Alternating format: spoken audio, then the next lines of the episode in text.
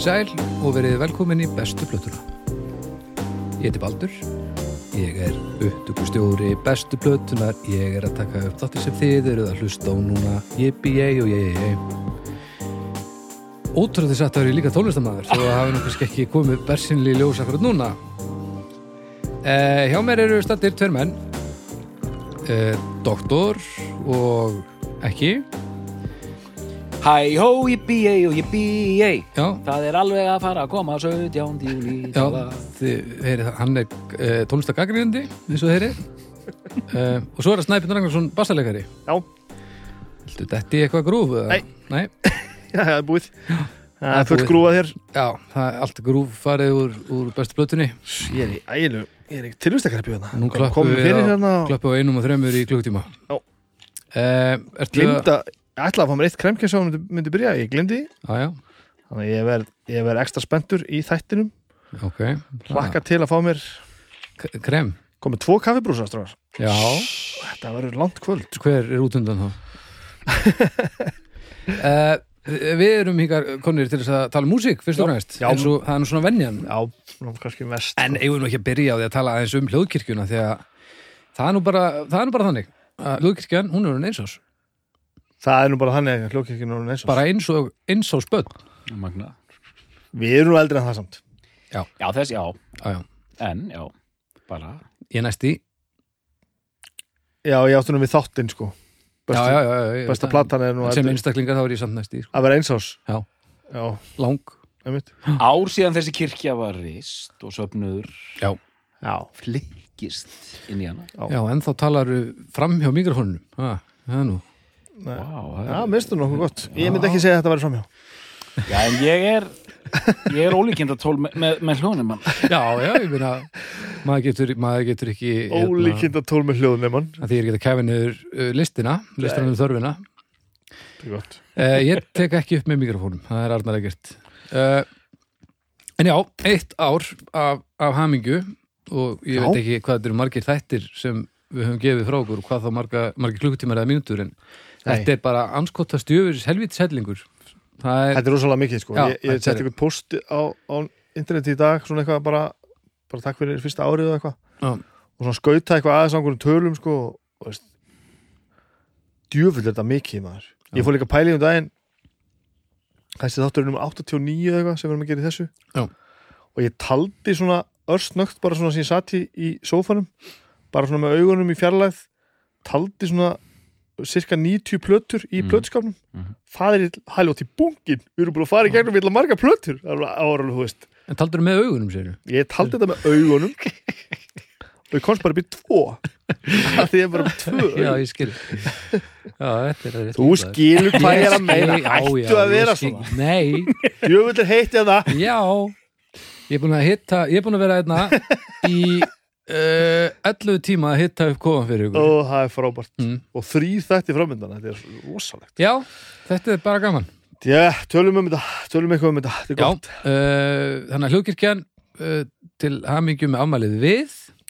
Já, og Vel uh, gert uh, já, þetta er gaman, búið að vera gaman. Mhm. og, og, hérna, og verður það áfram reknaði með, Mhm, mhm, mhm. það er alltaf fleiri og fleiri hlusta þannig að það er grundulli fyrir því að, að keira þetta áfram. Já. Svo ætlum við að tala líka um samstarfs og styrtar aðilan okkar. Mhm. það er jabbe, Lucky Records. Lucky, lucky. Ó já, búið, svarti svanurinn uh, uppfærður, Góð plötubúð, já, frábær plötubúð. Það er stór. Stór og svona þetta er svona ekki, alls ekki örug sko. maður, maður, maður, maður veit að maður finnur það sem maður er að leita ef það er svona það sem á að vera til í plötubúðum en svo eru gullmálarnir sko. Maður ge- það er pínu klondæk í þessu sko. já, já, og, og viska, þetta er ekki eins og því ég fór í fríhöfnina í Keflavík og ætlaði að kaupa geisladisk með þursafloknum Já. fyrir þinn minn út í Breitlandi og starfsmaður sagði er það bíómynd? nei, nei, nei Þannig að þú veist það, þú, þú færir ekki svona ég myndi sem alveg að horfa á þursaflokkin eða að vera bíómynd, held ég það þursaflokkin er ekki svona moment í lökir eitthvað Úf, nei, það er, þetta, þetta fer ekki svona fram Nei. Þeir voru komnir í, ég var hjá um daginn. Ég bara kifti allar þrjár plötuna sem við vorum að tala um í kvöld Já. á, í sömu ferðinni. Ég fór viljandi eh, með mjög litlar lítil áfórum um hvað nákvæmlega við ætlum að taka fyrir núna Já. og ákvað ég myndi kaupa þrjár plötur sem yrðu næstu þrjár. Já, ég hef aldrei, aldrei farið svona, svona konkrétt inn í þannig, að, þannig vestlunarfærið klikkaður. Það var mjög gaman og erfitt sko. Já. þegar ég kom þá voru þeir í þá voru þeir í, í, í Fríöfninni nei, voru í vanda Ó, það var nýju Já. eru bara orðni fulli sko já, já, þeir eru alltaf að stækka úrvalið sko veist, bara fjölga titlum og það þurfti bara að fara að færa á milli kassa sko. þeir voru búnir að taka stærstu, stærstu, stærstu sko artistana Já. út fyrir sem sagt, venjulega er þetta bara í stárasuð nota benni í, tók eftir því sko í fullkominu sagt, ekki bara ekki bara A innan A sko, nei, nei, nei. heldur bara AA er á undan AB sko. Já, já, það er bara rétt.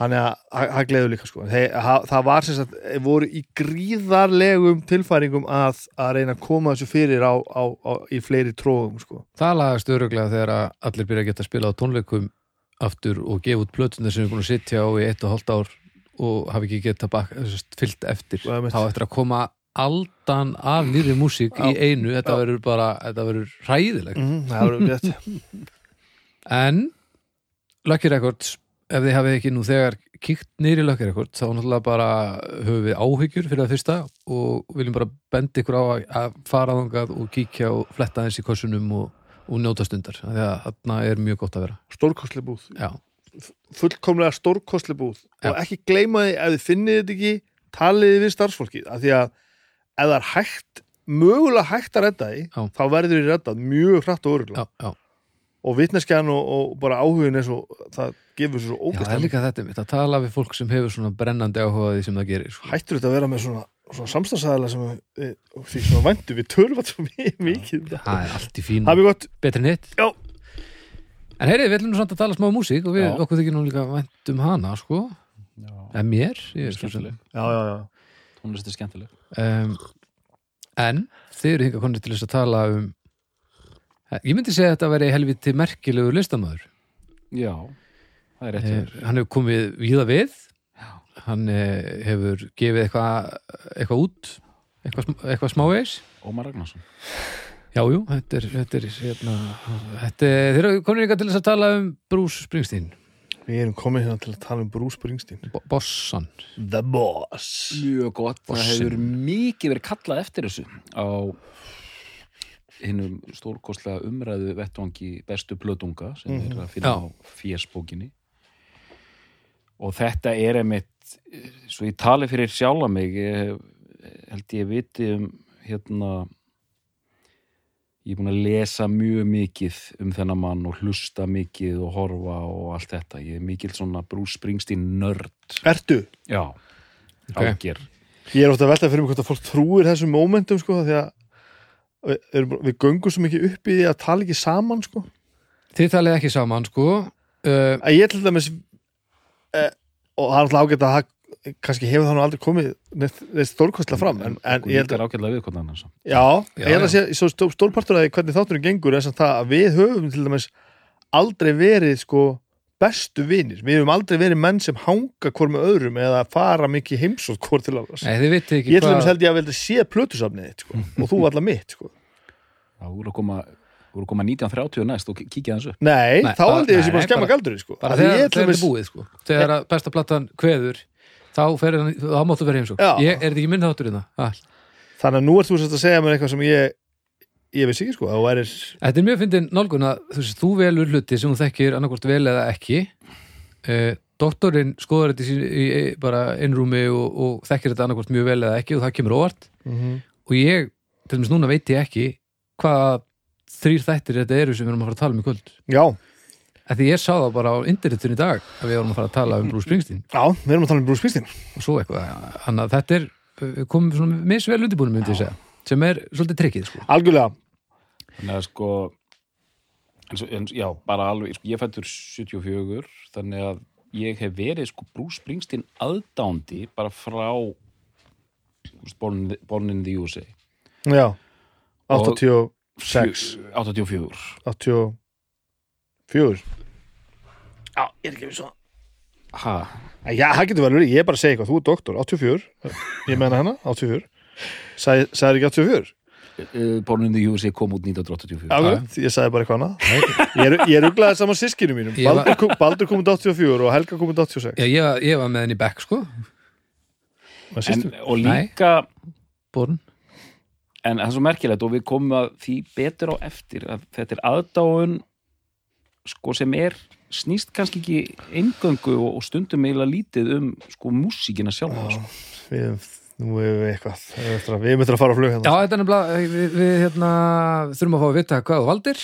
Já, og við þurfum að ég ætlar ekki til að þið hérna, uh, takki þetta svona í sammenningu af því ég skinni það að, að þú veist allt og snæbjörn veit sumt.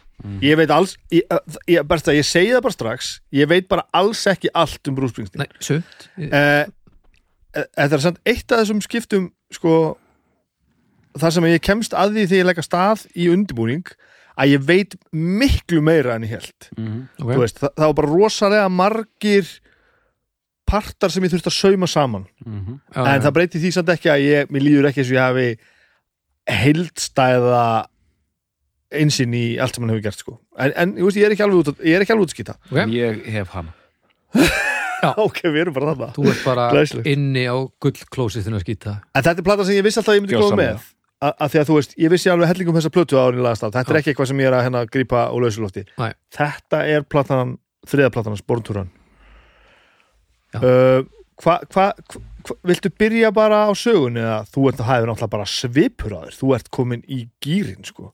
Mm. viltu byrja plötunni eða viltu bara fara já, þetta er einmitt byrjaði bara að segja eitthvað frá, ég held að það þetta, best. þetta er svona þetta er ein, einmitt, við nú þurfum við að vanda okkur að því að ég hef svo ógeðslega mikið að segja þannig ég þarf að edita hérna mig eftir því sem ég fer áfram sko. Já, við þurfum að fá hérna krasskort í hver maðurinn er og af hverju hann er svona merkilegur.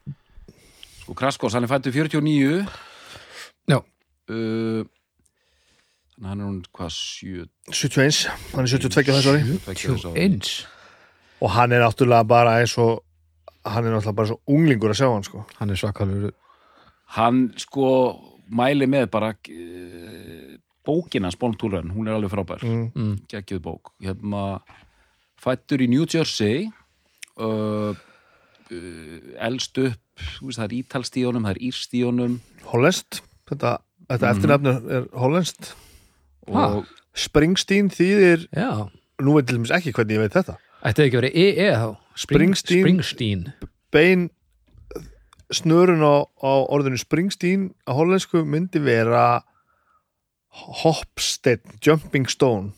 Hoppsteinn, en er held ég svona, nafn er svona kantsteinn held ég svona, þú veist, Kantsteinn er líka fallið díslegt nafn. Hoppsteinn og Kantsteinn hérna. ég held að þetta sé sem sagt hérna svona með frá göttu Já, já, já, Það sé ekki einhvers, einhverjir ættfeður sem hafa lagt göttur í, í Hollandi eða eitthvað, ég veit ekki. já, já. elst sem sagt upp í svona verkamanna uh, hver, hérna hverfi og, uh, Jersey Shore, sko. og hann verður svona, einmitt, þetta er eins og ég kalla hann er svona bubbi bandarækjamanna um, sko uh,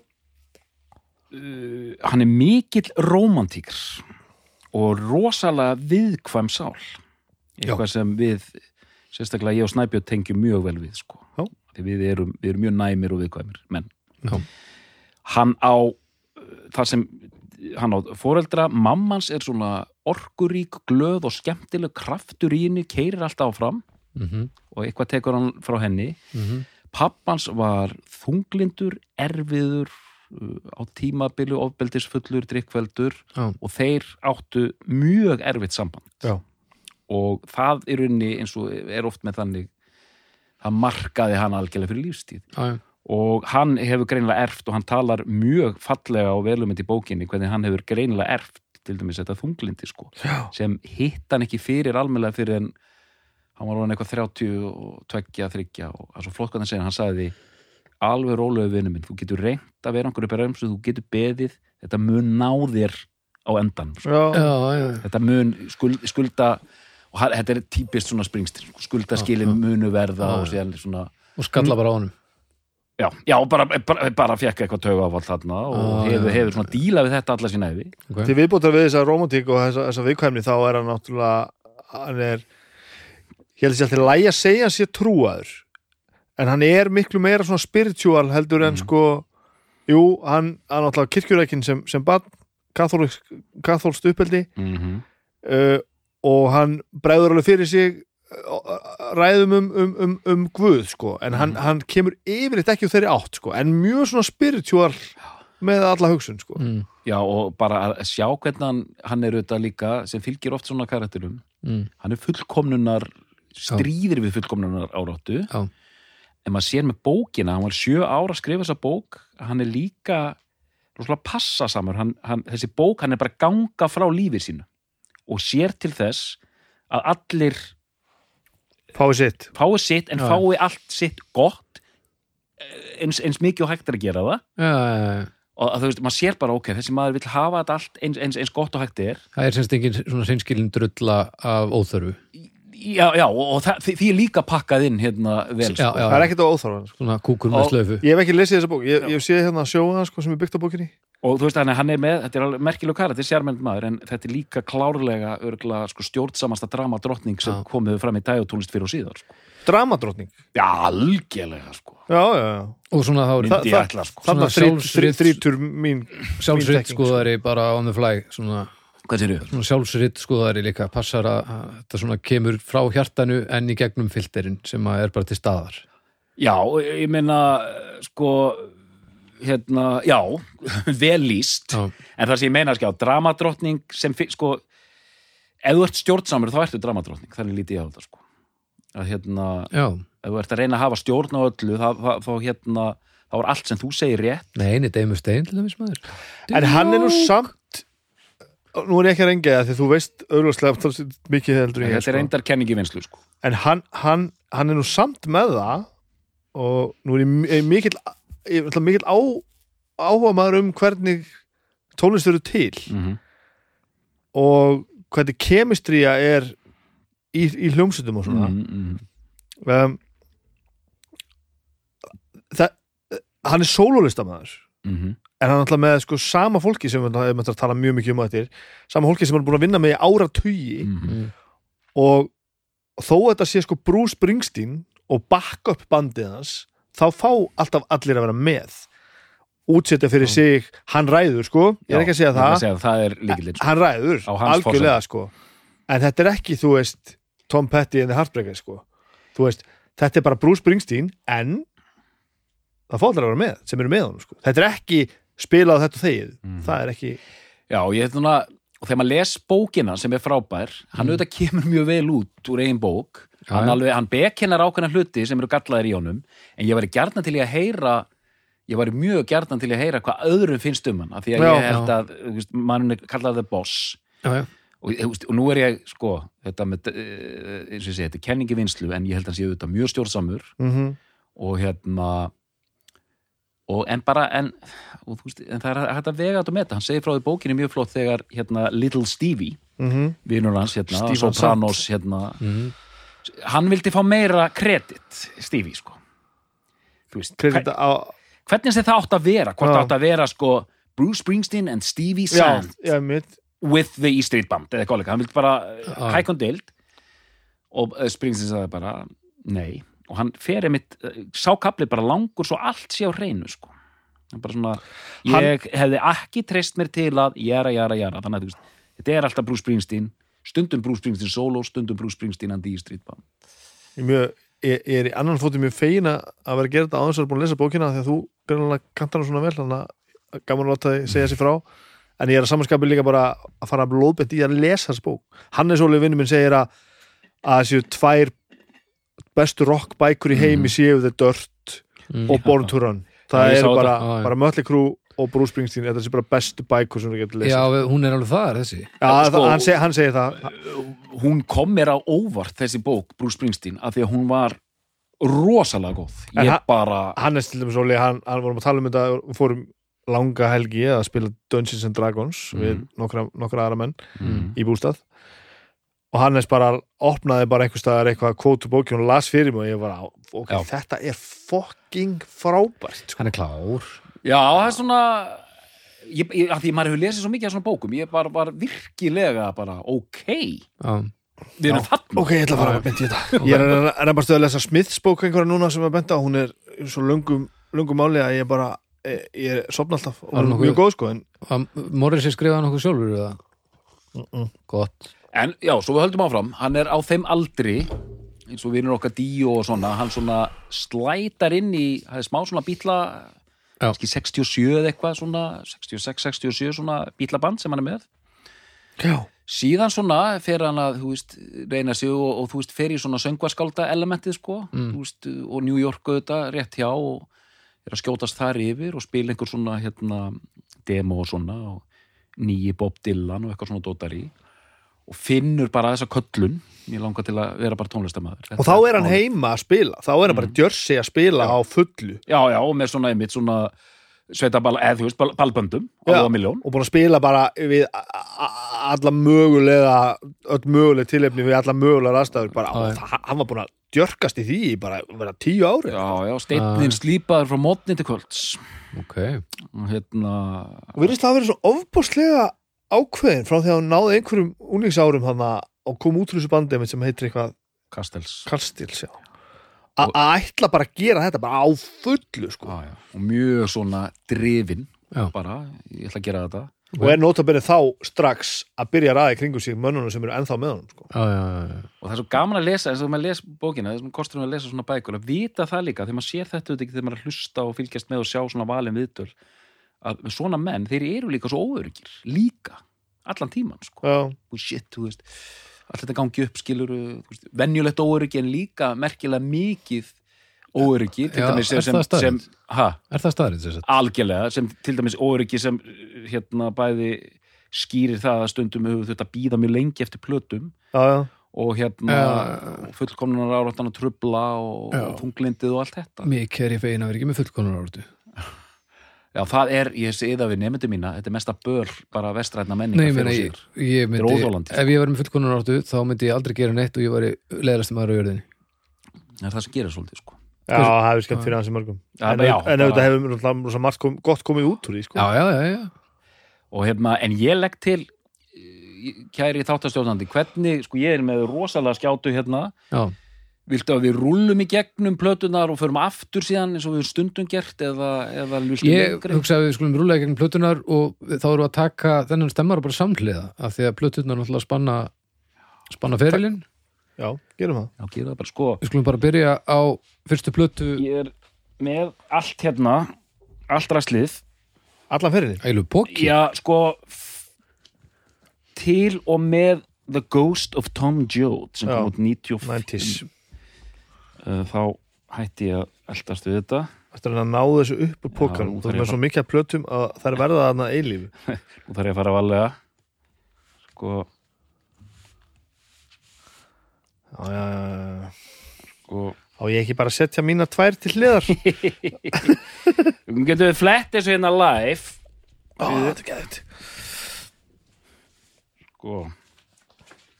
Hvað hefur þetta Sko Kasta þessu í þig hérna. Á með með laga til. Sama ár, 73, komu tvær plötur. Ha? Já. er það? Já. Byrja vel. Mér finnst alltaf svo merkilegt þegar hérna Snapp er reyna að challengea mig í ártölum. Þá Já, er ég alltaf ég- svona pínu móðgæður sko. ég held að það hefur verið 73 og 4 ég bara ég, ok. Æ, ég trúi það alveg, sko. Ég er að grínast. Hérna hérna áttu tvær útgáfur af, af fyrstu plötunni. Já, þetta er einhver late edition þessi hérna, þessi flottari sko. Hérna með hérna nú erum við komin svo mikla plötuskoðun að við hefum náttúrulega ekki eftir að Já, geta haldið hún er svolítið flott þessi, Það er, það er fugla hljóð búið að vera undir hérna Svolítið tíma. Og þessar tvær fyrstu eru rosalega skrýtnar. Þær eru mjög Já. ólíkar því sem hann átti eftir að gefa út síðar. Það fyrsta er- platan svo við segjum, segjum líka hvað það heitir kannski eitthvað. Fyrsta platan heitir Greetings from Asbury Park, New Jersey. Já. önnur platan heitir uh, Bruce Springsteen, The Wild The Innocent on the E Street Shuffle. Um, Þetta er svona hippist grúf, smá afró, latin pælingar. Okay. þetta er bandið fallið mynd hérna bandinu. Þetta eru svona, þetta er rosa djam kent einhvern veginn sko. þetta er það sko Jam svona eins og spila saman ekki fyrir utan fókjartan í ælinu sinni Já, Já, eitthvað svoleiðis, já, eða ekki? já, já, já. Já, svona svona lús og svona og dáliti stefnulaust og sumlaugin ágætt, sum bara eitthvað svona þú ga- gast alls ekki giskað inn í þessar hérna tvær hvert hann ætlaði að fara, fara með þetta sko. Ok,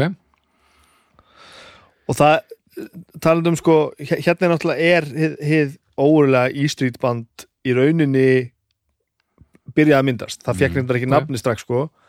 En til dæmis ef við horfum á þessar tvær plötur ef við horfum á mannskapina fyrstu plötunni sko mm. þá eru á þar eru sex í já, nei, þar eru náttúrulega bara fimm já, eru, eða eiginlega bara fjórir í bandinu sem að eru svona fastir. Og þar er bassalegarinn til dæmis komin sko. Gary Talent Gary Talent er bara, hann er bara búin að spila öllu draslinu, ég held að vera að segja að hann hefði mistað fyrsta Ístrít giginu sínu bara núna fyrir jól út af Já. einhver COVID-drasli ok það er bara fyrsta gigi bara ever sem hann spilar ekki með Ístrít band sko. Skrítið gig er alltaf Springsteen er alltaf búin að spila með öllum í öllu Já, samingi sko. en, sem Ístrít þá, þá, samt að vera skrítið að, á, á, á plötu nummer tvö þá eru hérna þá erum við að tala um það að allir meðliminir eru svona grjótharðir sko en það, það eru tveir sem hætta eftir þessa plötu og byrja á Born to Run Mm. og ef við tökum alla þennan mannskap ef við tökum tvo í burtu á fyrir plötu nummer tvö og bætum þessum tveimur sem kom plötu nummer þrjú sá mannskapur er svona kjarnamannskapur svo náttúrulega við kvarnast úr að þegar mann hafa reynilega dáið sko. en þetta er það sem er búið og, og það er við að tala um það er við að tala um tæflega 50 ár sko. þessi menn eru bara búin að standa vaktina sko. Tveimur ára síðar kemur út þessi plata Born to Run sem við erum að fara að tala um hérna. Já, Þarna er mikið að gerast, mikið búið að gerast. Já, Þetta er svona rockplata. Það er, það er svona, þetta eru nánast varla rockplötur þessar fyrstu tvær. Já. Um, Þarna er sem sagt, bara Bruce Springsteen rockplata og þarna verður Bruce Springsteen til á Bondurun Ok, þú segir það? Róluður nei, nei, ég, ég trúi þér alveg sko. ég bara, uh, Hann verður til þarna en þetta er svo merkileg plata Born to Run, hún er svona þetta er tímamótaverk uh, og svona og, og þú veist, hérna geggju plata en þetta er líka svona fyrsta fattið, Bruce Springsteen platan. Það Já. er ímislegt, Já, já, já, ímislegt sem áttir að gerast og ímislegt áttir að verða Já, já. betra. Já Já, og ég, og ég meiri sér að þó að ég sé að, tefla þessar plötu fram, þá, þá er ég sammála því. Mm, Eh, það er, það er margt sem er ekki alveg svona komið. tilbúið. Já, já, ég, ég mér langar að nota, nota að segja að það sé ekki alveg tilbúið. Þetta er svona, þetta er alltaf þarna en þetta, það er bara ekki alveg búið að svona koma þessu í vasan, sko. En þetta er rosalega, svo ég notið dólið þetta er rosalega íkonisk plata. Já, út af umslæginu já, já. þetta er flottasta plötu umslag í fucking Það er heimin þetta hérna sem að tekur gatefoldið í sundur. Já, þetta er svalasta ljósmynd allra tíma, já, já. þetta er svalasta ljósmynd sem að hefur verið tekin á myndavel veistu hvað þessi menn eru kallaðir? Þetta hérna, mm. Þetta er the boss. Já, já, þetta hérna, já. þetta er the big man. E, Á Big Man. Og við erum að tala mikið um þessa tvo menn hérna. Já, ok, það er að segja sögur af þessum mönnum. Ok. Sem sagt, Clarence Clemons, saxofónleikari með honum hann framan á. Og það var algjörlega viljandi, hann tala mikið um svona hérna, svarta í bandaríkjunum í bókinni. Já, og þetta er alveg meðvitað sko, já, já, gó- góðir félagar, vinir allt indislegt, þetta var yfirlýsing já, og bara alla leið maður, það er engin spurning sko. Og- það bendar á eitt, annað eintakið þú ert með tvö, tvö, tvö Mhm. eintöku að Born to Run. Þú ert með hérna, það er, það er uh, original rarity hérna hinn. Þessi. Já, þú skoðar uh, hinn, þú heldur þessi. Ef þú skoðar aftan á. Þá er hérna produced by já, það er John Landau með villskjöðar, með hái já, já, já. þetta þykir fancy, þetta er lagað á, á setni svo til nokkar útgáfur þar sem var settur limmið yfir þetta John Landau var alveg brjálað alveg pródúsera þetta er ekki gott, sko. John Landau, já. já, í stað fyrir J.O.N. sko og þarna er sko en við, við erum að tala meira um þessa blötu, engar ágjur en þarna eru tvö rosaleg lög, Thunder Road og Born to Run Mhm. sem við getum líka, getum talað um þau í tíu klukkutíma Já. og fleiri lög sem við getum talað um líka mjög lengi en síðan eru lög þarna inn á milli sem svona, sko fyrir mér er þetta og hérna vinur okkar Haukur Viðar kom þarna nei, það var, það var annar vinur okkar, Þossi kom þarna með já, merkilega já, tónlist. einmitt og þú veist, mér finnst komið þetta aldrei óvart, ég var að hlusta tilbaka hvað þetta er fyrir mér er svona aðeins svo mikið svona fúlt 70s uh, barbanda glata sand sko sondið já og lögin líka sko. sko, það er eitthvað magnað það er eitthvað magnað við þetta að því þú segir lögin sko. það er eitthvað mjög merkilegt við og, og þetta gerist á, á, á öðrum stöðum á ferlinum hjá honum að lögin verða svona einhvern veginn óeftirminnileg. Þa, og þú veist að það eru engi stælar í þeim. Nei, nei. Ég er að hlusta á æðarnar á ennum framtíðarinnar að þrútna. Já, já. en Það bara- það breytir því ekki að mér finnst til dæmis öll lögin á þessari plötu rosalega sko. Að ég get ekki raulaðið fyrir því öll Ég sko. ætla bara sko, ég ætla að henda henni inn. Ég horfði á hérna, heimildamind þar sem að flytur einn með kassakítar fullt af sínum lögum upp á sviði. Það var hérna Bruce Springsteen on Broadway þetta er þetta Ok. okay. sem ég var að tala um á þetta er það sem að er örsöguna sem að segja á milli Já. hann, upp, upp hann bókinni tengdi þær bara beint upp á bókinni sko. Já, þá sko, hann, hann flytur lögin bara, það, það það er magnífikó hann flytur, flytur lögin bara með kassakítar og ég man, ég hugsaði því að ég var að horfa á þetta þetta er ekki neitt neitt hugsaði ég sko, það er ekkert í þessu Nei, en það, það komum við nú líka að öðru það er sko. Nei, það er það sem ég er að segja Það er bara mjög oft þannig sko. En við þurfum, það þurfum við náttúrulega líka að taka líka sér fyrir uh, söngaskáldi með, með kassagítarinn og helvítis munhjálpjústatíðu um hálsinn sko. já, já. Það skylda. annarkvæmt ertu bara í því liði eða ekki í því liði. Og ég er ekkert í því liði sko. Ætlum við ekki að tala um það að þú sagðir Magnifico en bara svona Ég, notaðar að náttúrulega takk fyrir það. Síðan Ég er er sko þegar ég kem inn, inn, í Springsteen og er að kaupa þarna Born in the USA og Nebraska sem við þurfum að tala um á eftir það tengir um munhjálpjúkallin sko. Já, hérna, hérna, Nebraska tengir rosalega stert við pönkara sko, og, og svona nýbylgjuhunda. mm. Það er svona gatewayið fyrir þá, mm er svona Will Oldham feelingur Já, og já, eitthvað já. svona. Og ég var að fíla þetta alveg bort, fannst Nebraska bara geggjað stöf. Síðan er maður að kaupa þetta allt eftir á og, og svona, uh, hérna, kafa í Springsteen. Og þá þetta, þetta skiptir all, allt máli hvað maður kemur og hver maður að leita að Mhm. og, og á hvað aldrei þú ert. Þannig að þegar ég fer að hlusta á þessar gömlu Bruce Springsteen-flötur, þá er ég bara svona, eh, og meiri segja því ég fór að hlusta á Darkness on the Edge of Town sem er mikið hérna eh, mi- mikið hampa sem hans bestu Já. þá samt, ég mann því ég byrja að hlusta á þetta ég sagði, þetta er bara eitthvað svona gamla kalladótt hugsaði, þetta er bara eitthvað gamla kallað rugl, Já, ég nenni þess ekki. Ok, síðan bara svona hefur maður meirnað aðeins sko, Já. útbúin að jafna þig að mestu En það er ekki hægt að hlusta á hann eins og maður hlustar á marga aðra. mm. Það, þetta er ekki ó, hvað húkurinn í viðlæðinu er ógesla flottur og hérna, ó, hvað þetta er eitthvað Já, magna og bara, og þú hlustar ekki eins og þú hlustar ekki gegnum Run fyrsta reynslið og hugsa bara, nýj, þetta er geðveitt Úss, það er kannski titilæð sem stendur svolítið út úr, Já.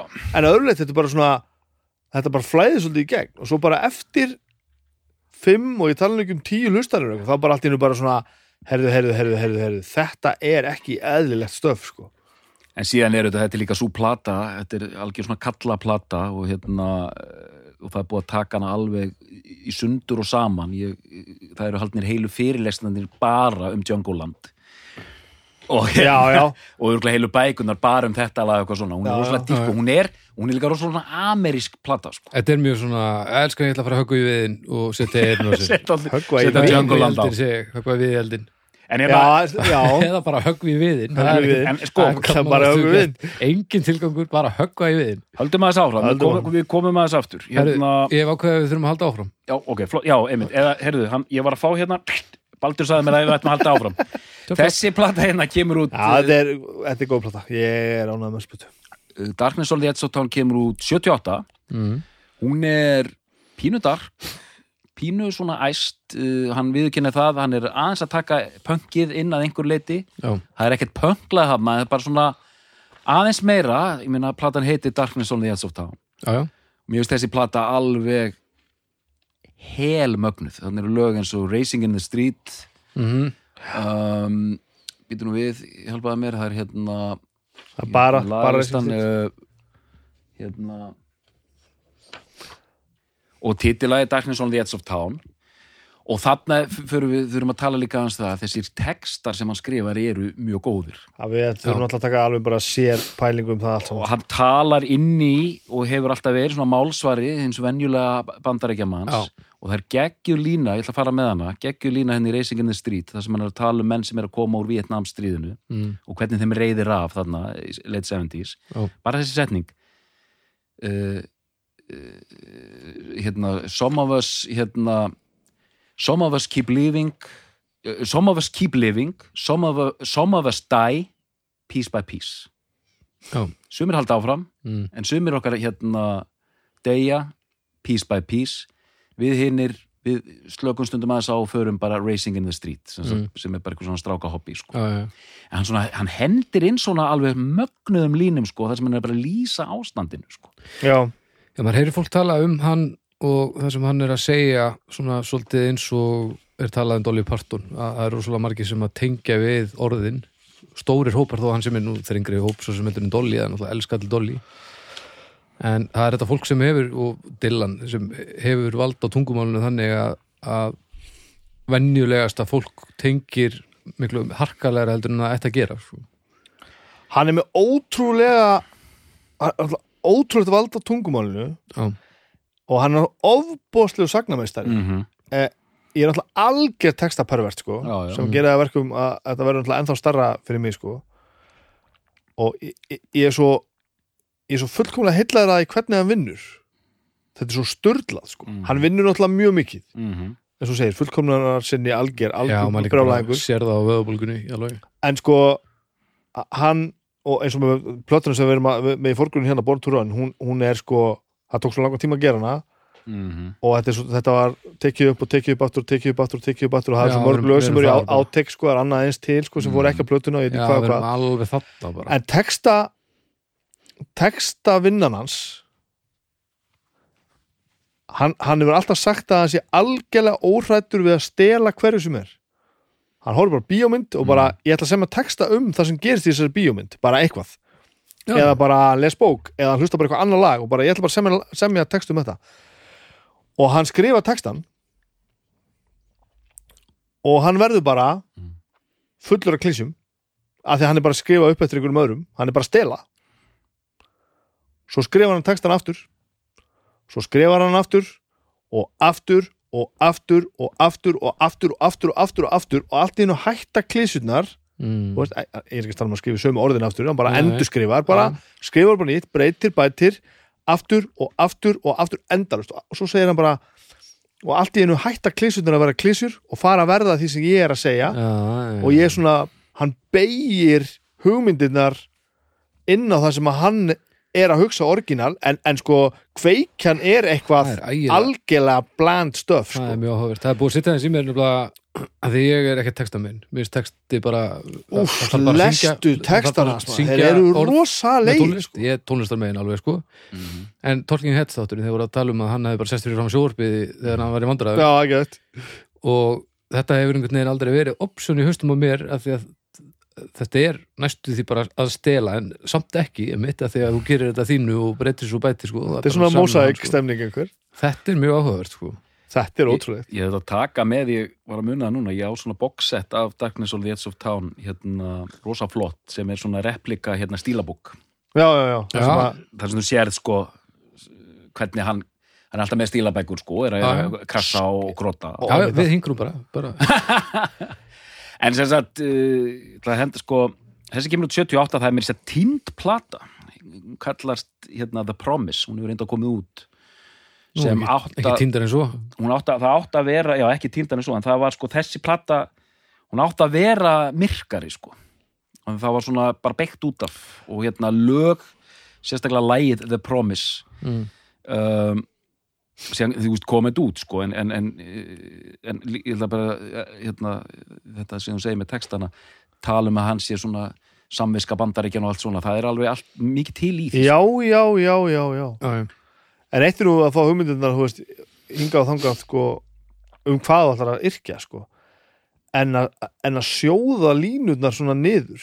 Já, mér finnst þetta svo heillandi. Það er og hann bara byrjar með bara eitthvað drastl hann veit bara að þetta er ekki nógu gott. Þetta er bara það eru bara til þúsund lög með þessum texta einhvers staðar, þú veist, þetta er algjörlega bara baby baby, I love you líka við, sko. Já, og svo bara fer hann í gegnum þetta aftur. Alltaf týnir hann eitthvað til hendir út, breytir, snýr upp á. Lítur að heldur langt ferli. þetta er, þetta er ekki eðlileg vinna sko. Og þetta er ekki eðlilega vinna. Og hann gerir þetta bara viðstöðlust Þannig að hann er ekki með náðagáfu, hann er bara döglegur. hann er verið rosalega náðgáfi hann hefur svakarætt laga að setja saman, setja saman orð. En, en það sem gerist í sko- þessu í viðbót og ég held í, ég held í alvörunni að ég veit ekki um um, um listamannisku neinstaðar í dægumenningu allavega. Vildi ég geti verið rosalega klár og sagt Shakespeare, ég veit bara ekki um Shakespeare. Það sem að innihaldið er svona mikið sko. Þú lest í gegnum eitt texta kannski 30 línur Mm. Og það er bara meira í þessum 30 línum heldur en að, að sko margar hljómsætti gera bara á öllum ferlum Já, já, já. hann er ofbóðslega dens En þarna hefur, hann hefur hann þetta tækifæri, hérna, mér er svo merkilegt einmitt hvernig þú hérna beitir í vinnu. Ég til dæmis, ég skrifa bara einu sinni. Og þú stilla niður. ég gera það sama Og, ve og veist akkur, hérna, það er að því ég hafði ekki tíma til að, hérna, ég var að vinna á dagblæði, sko. Það er, er, er bara deadline sem er réð því, sko. Þannig ég hef ekki einu svona reynslu af þessu sem þú lýsir. ég hef engan tolerans eða þólimaðan eitt í að endurskrifa en mín vinnu ethík reyndar er þannig að ég byrja mjög seint Já. að setja henni á blað Sem er frábæra ásökun fyrir að gera ekki raskat. já, það er hljómar ágætlega sko en ég hef reynt hitt en ég er yfirleitt búin að móta mjög mikið í höfðun á mig hvað ég ætla að gera áður en ég set nokkurinn á blað sko. Já, það gerist mjög hrætt þegar þú já, svo ég tekur- úr mér þegar pennan, sko. Síðan er eitt í þessu líka, og ég ætla að mynda gaggrina Springsteen fyrir það, að, og það er líka bara hvernig við, hérna, förum að sé það, gaggrina að, en það er myndast ákveðin stemning sem stiður við fullkomnanar árættinu, að þeir sem hérna taka eitthvað saxofón solo og Jungleland hérna 70 75 sinnum, að þá sé, sé það svo rosalega gott. Já. Ég vil bara sko, hérna, ég ætla að challengea þetta sko. Já, já. Ég er nú svo þreyttur á þessu. Ef þú þarft að taka upp saxofón solo í 75, þá er, það, þá er bara eitthvað sem þú vart ekki að skilja sko. þá ert ekki bara nógu góður. Og hérna, svo ég klára þetta, og þegar, þú veist, þú liggur yfir einhverju plötu í þrjú ár, kemur ekki frá, það er eitthvað annað að en að bara, hann var í þrjú ár að gera plötuna þess vegna er hún svona rosalega góð akkurat ekki, Nei, en ég held að stórpartur að, að okkur hlutnir eru svona góðir sem að við erum að tala um hérna er líka fólki sem er að vinna með Mhm. að það Steve, Steve, Steve Van Sant Mm. hans a, svona ég ætla að segja að segja alveg hans hægri hönd þú veist, Já, já. þó að hérna, hann og The Big Man hefði nú kannski verið svona já, já, svolítið svona sá- sálufélagarnir og teimið sko, Ok. þá var Steve Van Sant er, er hann er pródusir í eðlunu hann, er, hann, hann á sens í hann hann, hann pikkar í hann sko Já. og hann hann, hann, hann er mitt alltaf þennan að tala um sko það tók sex mánuði að taka Born to Run lægið sko. Já, já. já, og hann segir sko bítlanding á hennu sér alltaf bara þrjá tíma á hvert lag. Já, það er það sem að það á bara taka þrjá, það á bara taka þrjá tíma að taka upp lag sko, Sko, sex mánuður eru bara fyrir aumingja. Mín reynsla er einmitt og, svo og að það er að vinna, sorry, áfram. Það er að vinna með svona manni sem er bara ósamálunum og þeir Já, eru bara svolítið stál í stál. Mm. og það er svona verður útkoman svo góð. Af því það er ekki eins og að fá bara að sitja þarna óreitt í stúdíónu bara.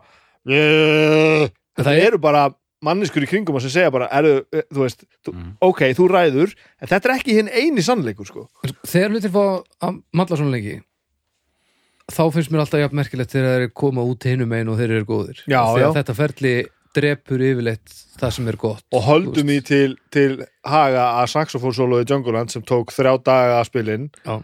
er fucking snill Ég ætlaði að mynda að fara að það segja er geðvikt ef það tók, þurfti að taka það svona oft og hinum einn á endanum var það frábært þá er það afreg, finnst mér sko. Þa- þá er ekki eitthvað að þá getur verið að þeir hafi verið að leita ykkur ákveðnu og fundið það og það tók 70 fundu ykkur. Hann, að hann afsaka sig sko, og sérstaklega gerði á sínum tíma Springsteen þannig að sko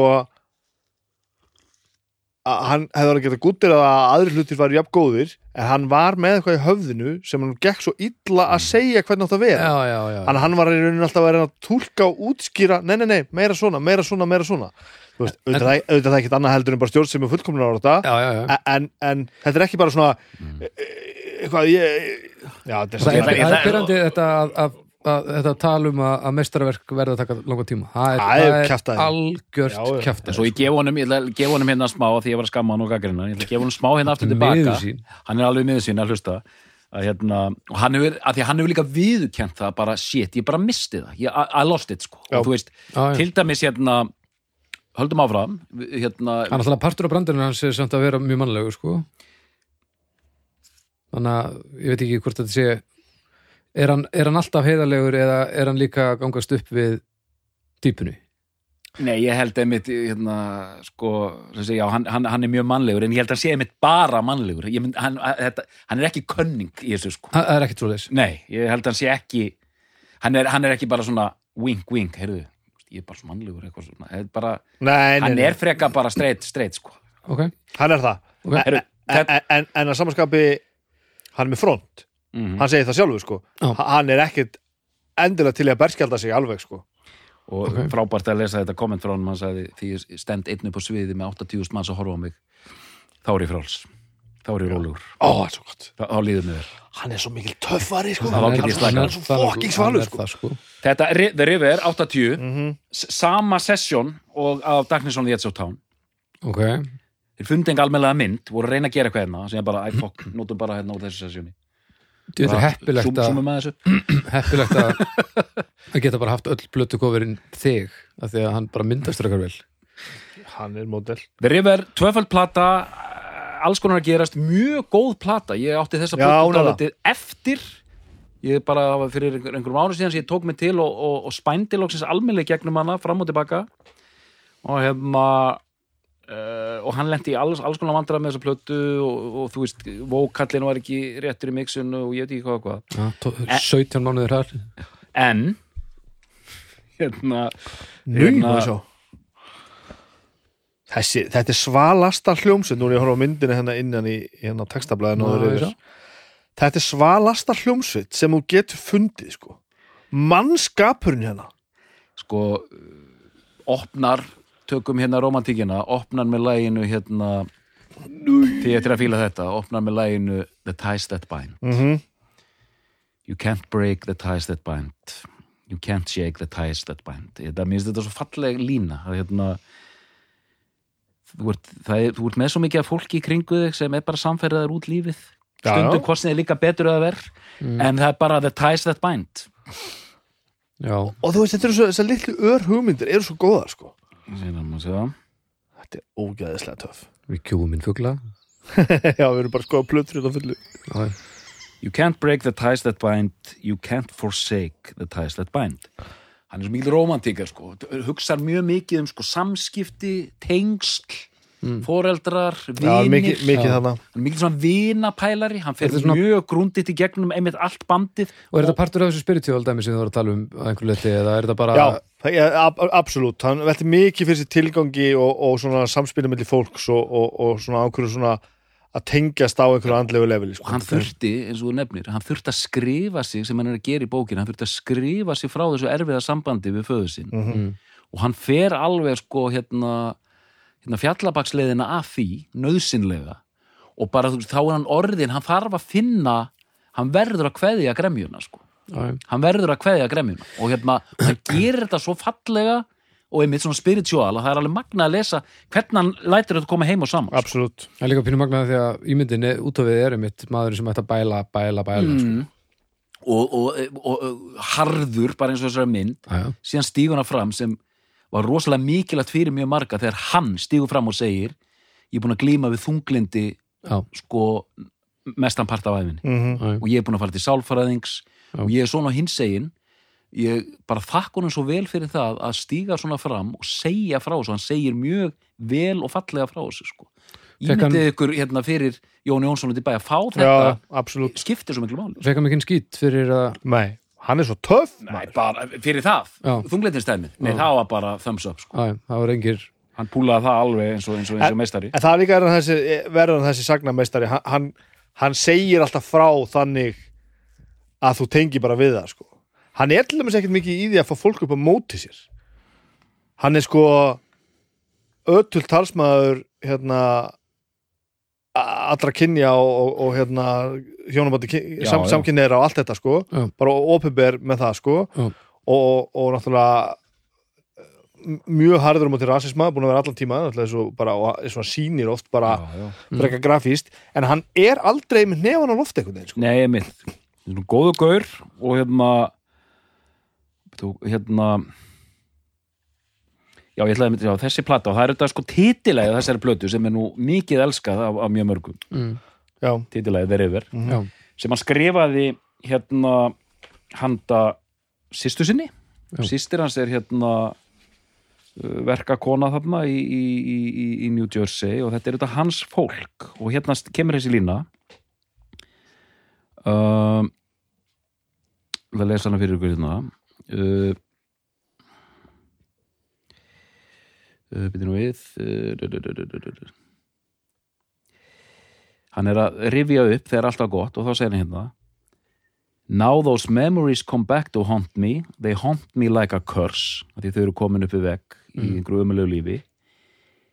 Is a dream a lie if it don't come true or is it something worse þetta er svo geð- það er svo geðugan línu sko. og hann er aldrei eh, sko svona small town ömurð Já, hann er auðvitað mistar í þessu sko. já, já, já, hann aldrei fór í söður en bara að þeir reyfir Ísland sko. já. það er bara það. Uh, hérna, Við erum konið í 80s er við erum komin eitthis Já. þá kemur þessi, Kemur það þessi rosalega plata sko. þessi merka plata Demoið, Nebraska. Nebraska, demoið. Og ég man þegar ég sá þessa plöti fyrsta skipti bara þetta, þetta er ömurlegasta mynd sem maður verður bara þunglindur að horfa á. Það Þetta er er, en, yfir en þetta er næst, næst flottasta cover hans Þetta er mjög á, á flott, eftir sko. þessu hérna Borntúran Þetta er illa flott bara grafíkuvinnan og allt þetta, þetta er ekki eðlagt sko. að því, sko, þe- þetta umslægið er svona hljóma platan sko. Já, hún er rosalega dark Hvernig finnst þér þessi plata? þessi, Já.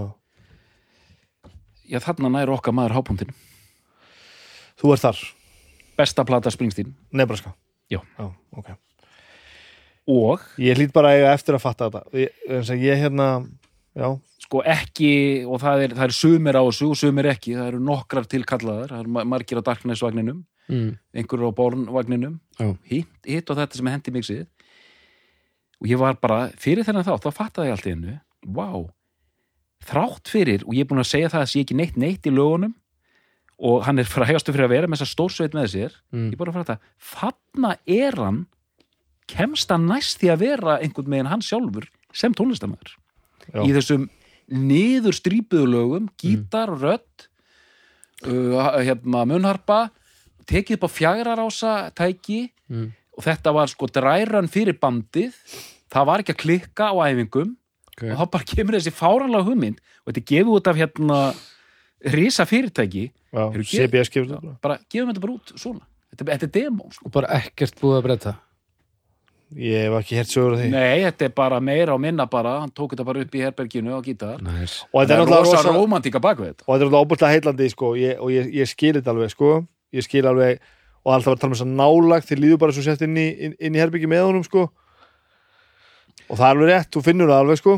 og þannig kemur svona ég bara, veist, það er eitthvað þarna sem að ég hérna, tröflaðið ég, ég held að ég sé um kom, að ég var að leggja línuna fyrir þetta á hann ég, ég er svolítið svona hérna, hendi boltanum upp í loft og nú getið slegið hann sko, Mhm. hérna, það er þetta kassagítar munnhörpa um hálsin þeng sem ég hef á bara eitthvað pínu erfitt með sko. Mm, mm. Það er bara þegar það er svo oft leiðilegt Já, kannski þar Það ég bara og kannski er ég bara á þeim stað að því eins og við erum bara að tala svolítið um ég er nú ekki, ekki út, útskri, útskrifaður springstínari sko að ég er bara enn að láta fólki sem hefur gert þetta illa Já. fyrir og eftir skemma fyrir mig hvað þetta er góð plan Hlutvallega þeim sem nota munnhörpu og kunn og munnhörpu er ekkert sérstaklega gott. Það hlutfart og hún er svo það, óvæg. það, er, það er svo afleitt að það ætti að vera sér stafur fyrir því algebru sem sko, hún segir bara hvað með hlutfart er. gítar, það er alltaf lagi en munnharpa er svo grimm sko. Já, hún er verið svo hún tekur miklu meira en hún hún gefur. verður svo hún verður svo æpandi Já, svo já, hryllileg sko. Það að segja hérna mm, til dæmis bara, já, ég ætla að segja einmitt, það er, ein, það er stök lög hérna, sjálfsögðu en það er líka rosa fíl á allir plötunni, sko, hún rúllar rosalega vel. Okay. um, My Father's House. Geðveklag alveg klikka, textin alveg klikka og sérstaklega maður lesa hann út frá eh, sambandi hans við föðu sí- sinn. Sen er hérna eh, Highway Patrolman. Mm. ég ætla að nefna hérna State Trooper sem lokar hlið 1 það er geggjalag svona lágvært svona rockabilly einhvern megin eins og þetta sé bara einhver draugur að spila þetta minni dálítið á hérna Mystery Train með Elvis það er bara svona rosa atmú já, já. og bara svona og, hæfi, og State Trooper, þetta er bara eitthvað svona eins og maður sé að fara að keira út í hérna fara að drepa sig eitthvað áleika sko en síðan kemur þetta að því þið eru nú bræður og ég á bróður, ég ætla að lesa þessa línu fyrir ykkur hérna, djúðlega gaman að þessu maður hérna hérna um, hérna hæfi patrólmann sem fjallar um tvo bræður sem hérna einn er lauruglumæður og hinn er glæpamaður Mm. Og þú veist, hann er að eldast við bróðið sinn og fara að setja hann í jail og eitthvað svona. Og, en síðan kemur þetta. Ég, ég, ég, fer, fer, ég kemst alltaf við hérna, þegar ég lesa þessa línu sko. að hérna me and Frankie laughing and drinking. Þú veist, hann er búin að tella hvað þetta er allt ógæslega erfitt, síðan kemur hérna kórusinn Mm og þá kemur þetta. Me and Frankie laughing and drinking. Nothing feels better than blood on blood og þá hugsa ég alltaf um bróðu minn og hérna og, og, og bara hvernig, hvernig hann deliverar þessa línu er bara svakalegt sko. Þannig er hann bestur sko. Það er það sem hann gerir best og það er svo fáið sem að Hann er nú tárið dóttorni Já, dóttirinn er alveg búinn. Og bara þú veist e- og, og, einmitt, og þessi plata hún nær fólki út af einmitt þessum hérna, hvað hún er strípuð sem er Já. Alls ekki það sem fólk átt að venjast þegar hann er að búa til sinn feril sko. Nei, nei, nei, nei. þetta var aldrei svona fáránlegt innskot Þetta er rosalega Já, já þvert á það fullkonuna áratuna sem að, þú veist, hann hefur ekkert verið í eldhúsinu í sex mánuði þetta er fullkomlega í hinn áttina sem En er það- svo furðulegt En það sem þú ert að tala um að stingi st- sko hittiði þarna Já. allt þetta dót, þa það er það sem að ég tek af hérna Born to Run plötunni, þú veist þegar ég er að horfa textana hérna sko hann er bara nobody að reyna að verða, verða eitthvað Já, með já. einhverjum vinum sínum og hann er bara einhvern veginn að semja eitthvað dót bara eins vel og hann getur og, og suma línutur en það eru bara það eru bara ekkert eðlilega já, já, þú hann, hann, það, maður, maður sá það einmitt sem er svo merkilegt að það er oft með svona menn að þeir geta ímislegt mm. þetta er maður sem hefði, ef hann hefði viljað verða ríthöfundur, þá hefði hann bara geta gert það Já, Já, já, já, já, já. ef hann hefði þetta áhuga á því sko. Höldum áfram árum við fyrir alveg út af Já, þannig að sko Nebraska og la la la og, og hérna, og síðan 84 kemur þetta monster hér. Þetta er ótrúlega plata sko. Þú veist, Born in the USA sama, við erum Já. sama stikkarinn hérna, allt saman. Og hérna eh, þessi plata, 84, 80s þetta er svona þetta er það sem hann líklega bara þekktastu fyrir það er þetta lag Já. og lögin á plötunni og Mhm. þessi plata verður bara ógeðslega vinsæl selst ógeðslega mikið. Og hann heldur fullt af tónleikum þryggja tíma tónleikum. Mm. og fyr- verður bara út af stjarnar líka sko. hann var þetta að byrja á þessum löngu, löngu, löngu, löngu tónleikum fyrir sko. Hvað er, hvað er hann haldið tón, langa tónleika, vittu það? já, yfir fimm tíma. Yfir fimm tíma? Jep, hann hefur farið yfir fimm tíma. Og það segja allir sem spila með honum þetta er óvinnandi vegur sko. Ekki það, úthaldið er fínt, það er allir til í þetta. Og þetta er vinnaðara og það er allir, er allir með sko. Mm. En ef þú ætlar að vera í ístrítband eða almennt að spila með með, með Bruce Springsteen Já. þá þarfst þú að kunna öll lög sem Bruce Springsteen hefur gert. Já, og helst öll lög sem hann hefur heyrt líka. Og eins að hann eftir tvo og hálfa tíma þá allt er kemur frá honum bara herðu, tökum þetta lag. Já, já. og það er kannski eitthvað sem að þeir hafa ekki tekið í bara 15 ár. Sá, og hann er bara ekkert að grínast með þetta neitt. Ég sá munnbandaði þegar að það var eitthvað með eitthvað blað Þetta er íþróttatónleikum að koma með óskallu á... Það var eitthvað sem að, að aldrei spila bara frá útgáðu eða eitthvað það var bara einhverja á, fleiri áratýr og það tók smá tíma svona rifið pljómanu eitthvað og svo þetta var svo fáránlega gott Það var mjög stort YouTube-vídeó af hérna hérna Gott ef ég er ekki að tala um það bara Það er náttúrulega ekki eftir þessu Nei, nei, nei, ég er ekki að tala um það En það, það er svona sko þá bara fær hann svona eitthvað blað svona, svona motta sem er búið að skrifa. Hvað heitir þetta? You never can tell? No, no, you never can tell já, eitt sem tengist og, þessu. og þa þá er bara að finna tóntegund og ha- Stífi fann Sandi bara, brús, þetta er alltaf hátt. Ekki, ekki hafa þetta svona hári tóntöðun jú, ég ræði alveg við þetta. Og svo leggur hann eitthvað stað og bara, þetta gengur ekki. Svo bara hérna eitthvað, annan gítar og eitthvað. Og svo hérna bara svo bara, hérna fyrir að syngja fyrir lúðrana og lúðrandi fara svona einhvern veginn að svona fykta sér inn í þetta og svo svona Max Weinberg fyrir svona eitthvað bara aðeins að slá taktin á settinu og svo lætur hann kráti syngja sko lúðralínunar hver á þetta lag? ég hætti bara, er þetta ekki það sem var í Perfection hann að þetta er bara eitthvað bara gammalt lag það er mjög Það er mjög krútlegt og mannlegt og allt það hvernig þeir fara, fara inn í þetta sko. Og svo bara mm. sér maður the boss og sem segir bara og krátið einu sinni viðbútt og það er syngja eitt ringi viðbót og skilur bara, one, two, three, four það kemur bara besta hljómsveit í heimi og þetta er alltaf ekki flókið lag, skilur nei, nei. en það sem gerist þarna á sviðinu á meðan þetta er að verða til og þegar þetta er spilað, þetta er bara hvað er að gerast í þessum mannskap þetta er ekki eðlilegt það er ekki eðlilegt að sjá þetta sko Músíkið, eh?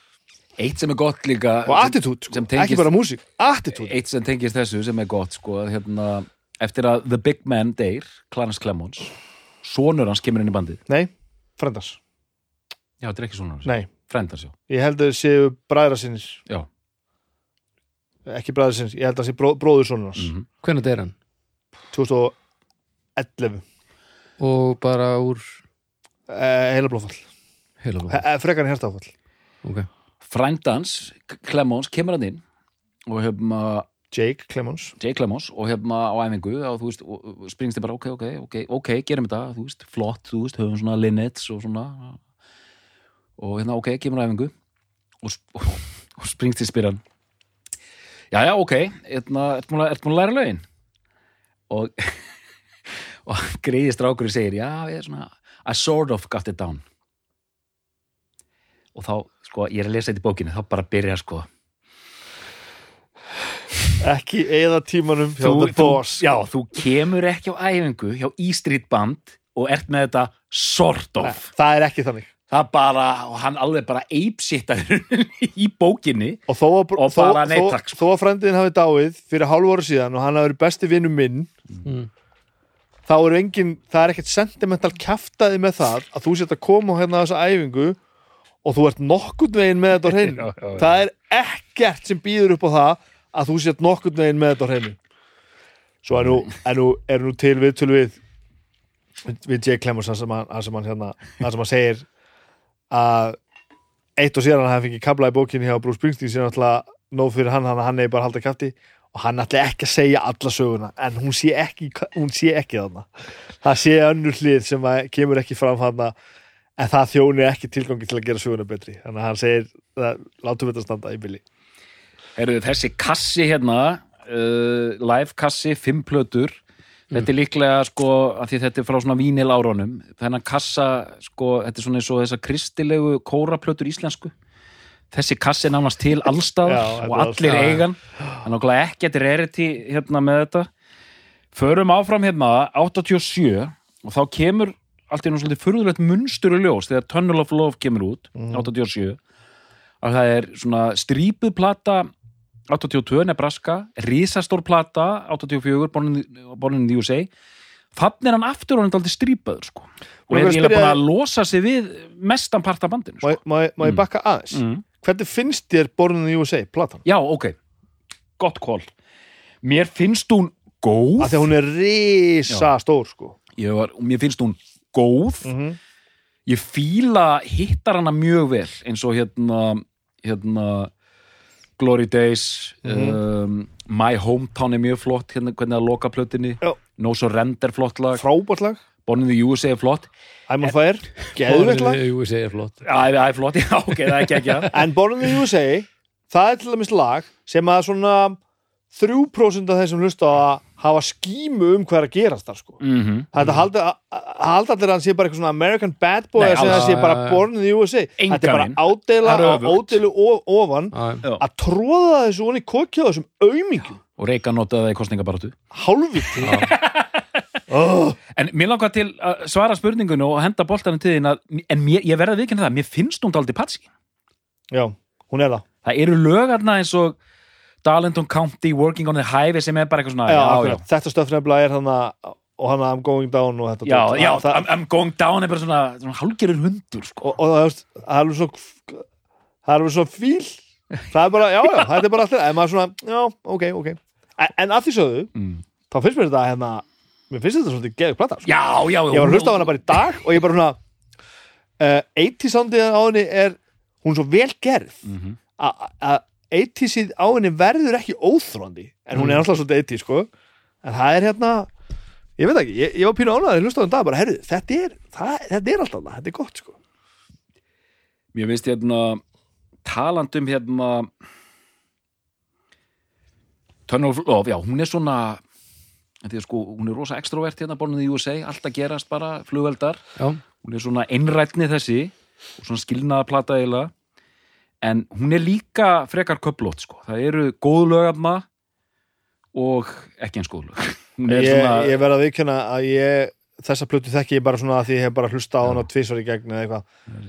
En, en, en ég, fílið á henni er skemmtileg. Já, hún svona það er eitthvað svona hún er pínu svona eins og coverið. Það er pínu svona Miami Vice fílingur í henni sko. það er eitthvað Já, já, hérna, og, en það, það eru lögin eins og Tougher Than the Rest hérna, Brilliant Skies og Tunnel of Love, lægið, mjög sterk lög. Mm. Ég vil að sína þér hérna, þetta er eina fyrstu tóltónmunum sem ég kefti mér.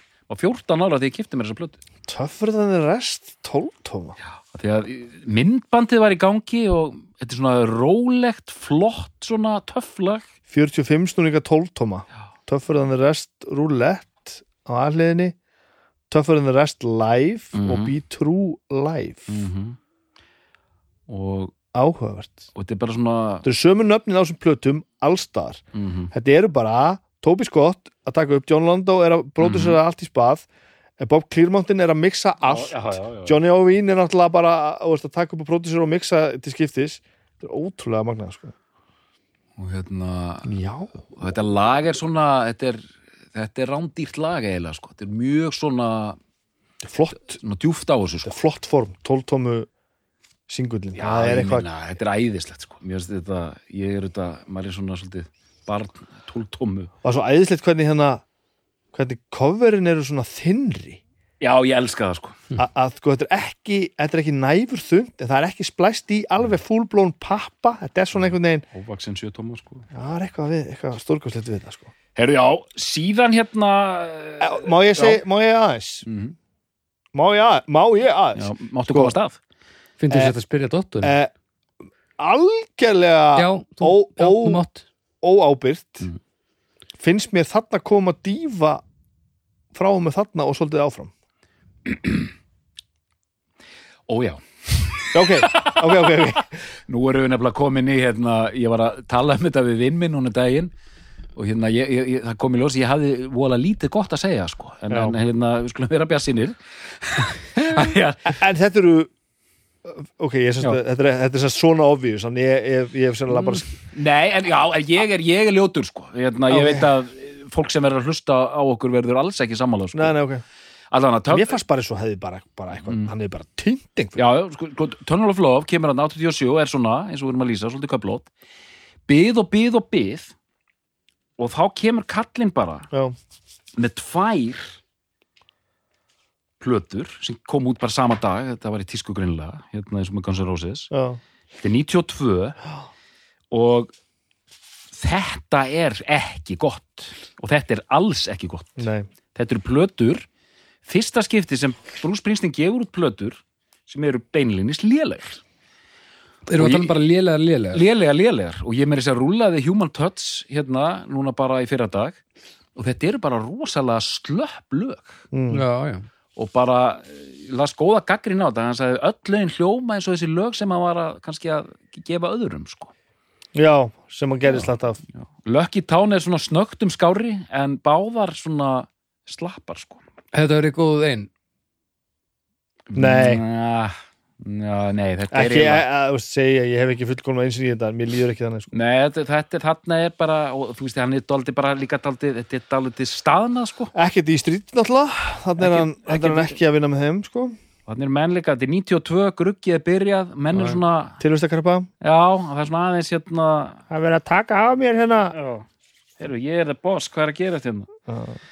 Um, hérna er ég síðan með restina einhver unplug ég sem sagt keifti samvisku samlega allar þessar nýju plötunar Bruce Springsteen ok, á þessum árum.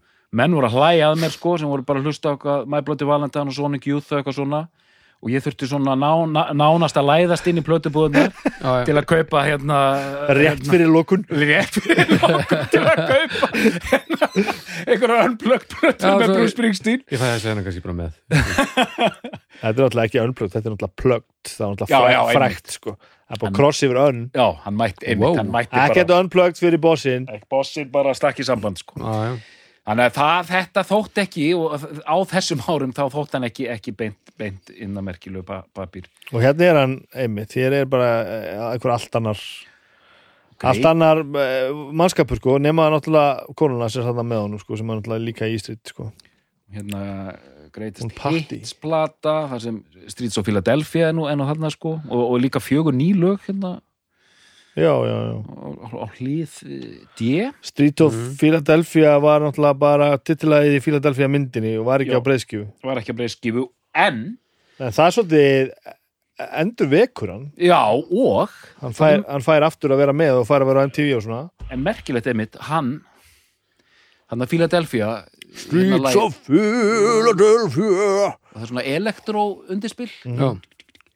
það er, það er heil plata til með svona Philadelphia lögum já, já, og þetta var í bókina bara, ó, ó, tókum þetta upp og bara I put it on the shelf and there she sits punktur, wow þannig að það er heil plata með þessum það var svo fyndið sko, þetta Philadelphia lag kom út Bruce Springsteen að vera það var með smá svona rosa trendy sko. pínu hann, trip-hop hann hann passaði alveg inn í þetta Já, sko. kom hann inn á hvort hann er ánað með hann eða? þarna kemur kannski og ég, ég hugsaði bara, hei Bruce gerð okkur, vertu góður, strákur. Leifðu okkur að heyra þetta. Já. við erum til í þetta. Þessi plata, þetta er síðasta vínirplatan sem ég kefti mér, er hérna The Ghost of Tom Joad. Og bara titillin fekk mann svona, heyrðu ok? Hér er eitthvað í gangi. Mhm. en þetta er svona, mér finnst þetta ekki skemmtileg plata, þetta er svona Nebraska plata. Ok, en þetta er bara svona eins og þetta er svona bónusútgáfa af, af hérna, Nebraska. Já, titilæði er nú algjörlega frábært sko. er svona, mér finnst þetta að vera svona veist, það, það er rétta, rétta, rétta stemningin og rétta atmóið Mhm. en mér finnst vanta lög sko. já, já, já. svo ég bara afgreiði hana þannig sko. Ég veit að sumi vera brjálæðir þegar ég heyra þetta er sko.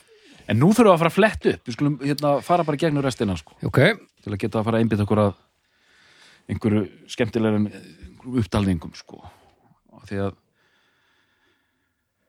uh, Ghost of Tom Joad kemur út hvað 95 og síðan líður og býður já er látum okkur sjá, 95 The Rising 2002 Þetta er plata sem að gera sér kjölfærið á, á, á, á, á hérna hérna tvíburaturna áhersunum og ég og hún er í miklu metum þessi plata sem mikil svona endur komu plata í styrtbanda og eitthvað svona mér finnst hún ekki skemmtileg sko að því mér finnst vera svona hattraslegur hérna 80s synthi mikið í gangi já. ok, hef ekki gaman á þessu En, sko, ég, ég fekk á tilfinningunni þegar ég rúlaði þessar plötu mm. hún, hún var mikið gert með þetta. Íslandband verið að koma tilbaka á eitthvað svona eins og væri að reyna að gera svona einhverja retro útgáfu vera svolítið eins og þetta var Já, nákvæmlega. kalla tilbaka eitthvað svona einhverja gamla stemningu og, og í stað fyrir að vera eitthvað retro þá var það til að bara pínu takki sko. ok en, en Mm. uh, það er neisti á henni. Mér varst alveg svona Gaman. gaman, gaman að rúlinni sko. Devils, uh, Devils and Dust 2005 það er svona þriðja Nebraska platan. Um, ok, hún er bara svona allt í lægi hún er mjög akústísk og bara svona allt í lægi ok. Uh, We Shall Overcome the Seeker Sessions. Þannig er hann að leika sig með svona amerísk þjóðlög, það er alveg, þetta er svolítið skemmtilegt, það er alveg svona, það er stuð Það- og ég myndi jafnvel segja að þetta sé svona eiginlega besta platana svona late period. þarna finnst mér orðið mjög áberandi að þarna getur hann leift sér allt Mhm. já, já, já. hann er komin þarna eftir aldamót og sérstaklega hann er komin þetta stig þá er þetta svona maður sem er búin að sanna allt Já. og er bara að að fá hugmyndir og framkama þær og bara að reyna að gera þess vel og hann getur Þetta er 14. platanas þetta er bara 14. platan Bara gott útspil, sko. Magic 2007 Þannig er að byrja að gefa út bara svona venjulegar Bruce Springsteen plötur, Magic, hún kemur út, maður svona hlustar, já, ég man ekkert eftir ekki og já, þetta er bara svona, já, þetta, þetta er svona gott að meðan þetta varir, en ekki eftirminnilegt. Síðan kemur Síðan kemur uh, Working on a Dream já, 2009 hún er svona svipa á Magic aðeins rockari og bara, ég, ég, einmitt, hún fær þennan dóm allt í lagi. Ok, þá færum við okkur yfir í Wrecking Ball 2012 hún er svona, Þrjú ár. Já, hún er fín, hún er svona öflug, svona stór lög episk, dramatísk. Valin besta plata 2012 af Rolling Stone. Og bara ágætisplata Mhm. mm. High Hopes 2014 það er plata sem var svona bæði þetta var líka svona einhver svona leftover plata að einhverju leiti bara hendi einhverju inn þarna ég held að Tom Morello hefur verið mættur Já. þarna inn í þetta hann var alltaf á þessu tímanbili voru þeirra að vinna saman en ég man, man eins og ég segi, ég hef ekkert, ekkert leiðið í henni svo mm. 11. platan sem fór í fyrsta seti í bandaríkjunum eh, sem sett hann í þriða seti yfir heldina mm. bara af öllum, Jay-Z og bílarnir Það erum við líka að- að- að- þegar þetta er komið sögu erum við að tala um mann sem fastakunna hópurinn er svo já, gigantísku sko. Þannig að að- þa- þannig erum við komið með mann með þegar við komum með þennan ferilesa reynslu búin að safna svona mikið í bakpokan sko. Þá þú ert ekki að keppa á sama grundvelli og þessi one hit wonders og, og fólki sem er búið að gera þetta í fimm ár. Nei. ég er ekki að segja að þau getur verið miklu stærri og þessi risa þessi risa ökt í dag skilur sem að, sem að uh, veist, er, eru bara með 8 biljón streymi á, á dóti sitt veist og eitthvað svona en það er bara ekki sami þungin sko að því bara ef að The Boss reyfir á sér raskatið þá eru bara mjög, mjög, mjög margi sem fara bara af stað Mm. Og fylgja í sem hann er að gera já. það er það sem hann hefur að gera svona síðustu maður hefur fundið það fyrir 10-15 jafnvel 20 heyra árum. galla efni þá var bara stokkið til það er bara pínuð þannig sko Já. bara ef Bubbi gefur plötu þá er ekkert eðlilegt hvað fer á stað sko. uh, Svo líða fimm ár Mhm. já, Western Stars já. Þetta er aldrei fyndin plata Western Stars af því að hún er svona rosalega cinematísk, þetta er svona Já, rosalega svona flöt lög svona hérna þetta er ekki rock, þetta er meira svona svona, hann var að vísa í eitthvað svona late 60 svona barokk, strengja pop eitthvað sko, var að vísa í svona gamla hérna hvað heita þær hérna Æ, þú veist, meira svona hvað heitir hann hérna eitthvað svona Bört Bakkarak fílingur og eitthvað já, svona já. er, er eitthvað svona heiðra, eitthvað svona gamalt amirist ég var ekki að fíla þessu blötu ok, og síðan er nýjasta plataðan, já. Hvað heitir hún? Hún heitir Letter to You. Letter to You. Og það, það, það mér finnst hún bara reynilega leiðileg sko. já það, já, bara svona, það finnst mér endur alls ekki sko. já ok. Ertu, ja, það, það ég, ég, bara eitthvað svona, ha, já, já Apple whatever. gerði svona, svona trendi hérna svona making of mynd einhverja. Það er svo, svo mikið gert að núna að koma stóra plötur að, eins og Foo Fighters hefur verið að gera og svona. Það sem er allir bara í stúdíun að spila og svona og tala saman og svona og það gefur svo svolítið dýft. Líka Já. bara gaman að sjá bara gömlu kallana bara að gera þetta. Já, já, um, og pínu pælingar og bækur lögin að segja aðeins stuttlega frá hver, til úr textan og svona. Og ég rendi því í gegn og hlustaði svo plötun og það bara, já, þá einhvern veginn fekk ég tengingu við hana sko. en ég sá hún, hún fekk mjög víða einhverja superdóma Já. ég, ég, ég var ekki alveg svona 1, 2 og 3 fannst mér það ekki alveg bólíkandi en, en ef þið nenni horfðu á þessa hérna, þessa Apple mynd hana, hún er mjög skemmtileg sko. hún heiti, heiti bara held ég það sama og, og platan sko. ég held líka sko, þeir sem er að hlusta því að það fóru umræður af stað í, í, í grúppun okkar fyrir þennan þátt sko ég var svolítið gladur að sjá að, að þú veist, menn er alveg hófstiltir sko, það er verið að spjalla sko þegar þú veist, ég man þegar við gerðum Iron Maiden þáttinn þá var bara mættur hérna 750 manna her sko, Já, já, allir, flott. allir að missa sig en þannig er menn að spá og spekulera og þú veist, Born to Run Darkness, Nebraska þetta var líklega það þrennt sem var oftast nefnt sem Já, besta platan. absolutt, og Nebraska sennilega oftast. Þessi Já. síðasta plata sem lýsir kannski Já. þessum hóp að einhverju lit er tólta platan að styrja sem fara á toppin á Breitlandi og, Hellandi og það gerði hann sem þetta fyrsta og eina soloartistanum sem hefur með plötu á toppnum á Breitlandi uh, í fimm áratugum. Æ, fokkaði maður. 70s 80s, 80s, 90s, 90s, noughties og já. 10s Já. Nei, Nei, það lítur að vera 80s ekki 70s Já. Linur Já, og lélegt. En hefur ekki að tala eins um plötuna sem þú stildir fram? Born to Run. Mm. Jú. við, verðum að, að gera það. Við verðum að gera það. Já, einhver ástæða fyrir að valda hana? Uh, ég, önnur en kofrið ég er alger sökkar fyrir því hvernig hún ekki beint hvernig hún var til heldur svona mér, mér finnst svo ógeðslega heillandi að þetta sé við erum að tala um það að, að bandi sem verður til hérna fyrsta lagi sem er tekið fyrir Born to Run er Born to Run. Mm -hmm. og þá er hann að Rói, hann að trómuleikarinn hættur sem að var á hinn tveimur. Hann að þessi Ernest Carter sem spila á trómur í smástund hann, hann er að tróma hana og hættir síðan. Hann trómar þetta eina lag. Nau, áttu svona fínt plakat? Skrítið plaggat Inn í þessu? Já, komið eftir á sko. Svona 84 dæmi sko. Og hann er að spila hana og, og hljómbósleikarinn sem er á fyrstu þöfum plötunum þeir hætta eftir að það er búið að taka upp þetta fyrsta lag og þá byrja þeir nei, hvað hér trómuleikarinn hinn? Hæ maður ekki. Þá byrja þeir hérna Rói Bittan á, á piano og Max Weinberg mm. á trommur. Og þetta er bara bandið. Hann er bara allir komnir. Og svo kemur bara Stífi Van Sant inn í stúdíu hann er ekki byrjaður í bandinu hérna. Hann er bara svona búin að spila með um einhverjum öðrum böndum og lappar eitthvað inn og fyrir eitthvað að skipta sig eitthvað lúðrættir eru að spila og eitthvað svo dótt sem er bara pródusur í á kjaft og, og vera hann eitthvað þú veist. Og bara einhvern veginn trúið að hann geti allt. Hann er ekkert að fyndin, Stífi Van Sant.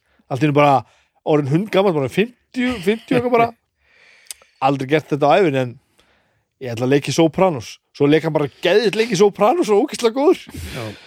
en mér finnst svo heillandi þetta eins og segir, það er hérna sem þetta verður svona svolítið til. Þetta er stemningin, þú veist, fyrst skipt sem að heyri svona Bruce Springsteen eins og Bruce Springsteen er. Mm og mér finnst svo geðveikt að það sé verið að gera þetta án þess að eiga alla peningana og vera frægur og vera búin að spila fyrir allt þetta fólk. Já, já, þetta er bara hann og þeir, þeir allir að reyna að gera eins vel og þau geta því þetta er bara make or break.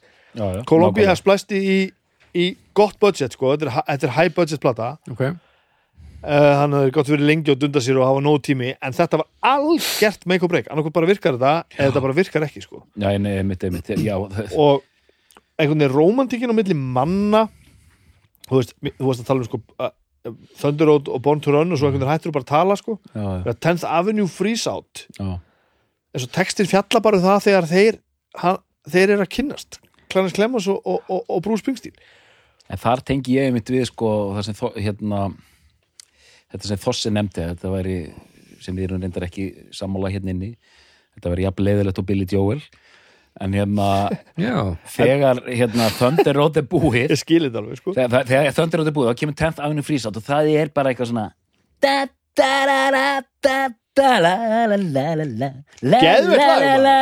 Ógeðslega gott lag. la, la, la. ég, ég er ekki að fíla þetta sko. Ég er að fíla þetta hann er að fíla þetta og ég er ekki já, að fíla já, þetta ég sé það, ég sé Heyrðu, það. ég þarf ekkert að fíla allt sem þú fílar Snæbjörn en hérna ég að besta, sorry sem er svo frábært þegar þú hvað er geðu textaskáld og ægileg meining í öllu og eitthvað. Það er ekkert mjög langt sér ég sá hann einhverju viðtali og ég veit ekki hvað það hefur sagt þetta áður. Þannig að tala um bara að var yfir textan eins og bara sem running on the bad side and I got my back to the wall 10th Avenue freeze out og svo bara 10th Avenue freeze out. And still to this day I have no clue what it means. Bara já, já. 10th Avenue og E Street sko, þeir voru alltaf að hangað þar sko. En þetta freeze out bara ekki hugmynd, veit ekkert hvað það er. Já, já. ég viðkynni sko lag eins og hérna hérna hann býr nánast til sérstaklega lagi Rosalita af hérna ég held að segja af hérna Ístrit Sjöfull hérna plötunni. hann er svolítið góður, hann býr til svona míní leikrit sko, eða bara söngleik sko inn í svona, þetta er nánast korter í hérna Paradise by the Dashboard Light sko. Já, já, og, ég ætla að segja sko eins og með Born to Run titilægið sem er svona, og sérstaklega líka Thunder Road sem er svona nokkri kaplar og svona. Born to Run virkar svo ógeðslega vel sem, þetta er algjört anthem. Þegar lægi Mhm. byrjar þá ertu bara svona ma- maður svona spennist upp. Réttu mér aðeins gítar. Þetta er besta gítarið í heiminum. Og hérna, þú vil vona að ég ekki að spila að mér hérna ég, ég, ég og, bara og ekki. hérna og, og, og, og, og sem sagt, sagan, textin og uppbyggingin nögl. og þetta, þetta hérna hvernig þú hrópar hérna þú veist svona hérna, baráttu söngur hérna svona frelsis baráttu söngur og síðan þegar það segir í endan alveg endalínan sem maður tengir alveg við og við tengjum alveg við þetta This is a town full of losers. I'm pulling out of here to win. Þetta er málið. Bara eh, þú veist, nú er ég farin frá Íslandi ég ætla að fara í doktorsnám út til Skotlands So long suckers. See you later. Er ég góður í þessu? Jú, jú, frábær, þú ert frábær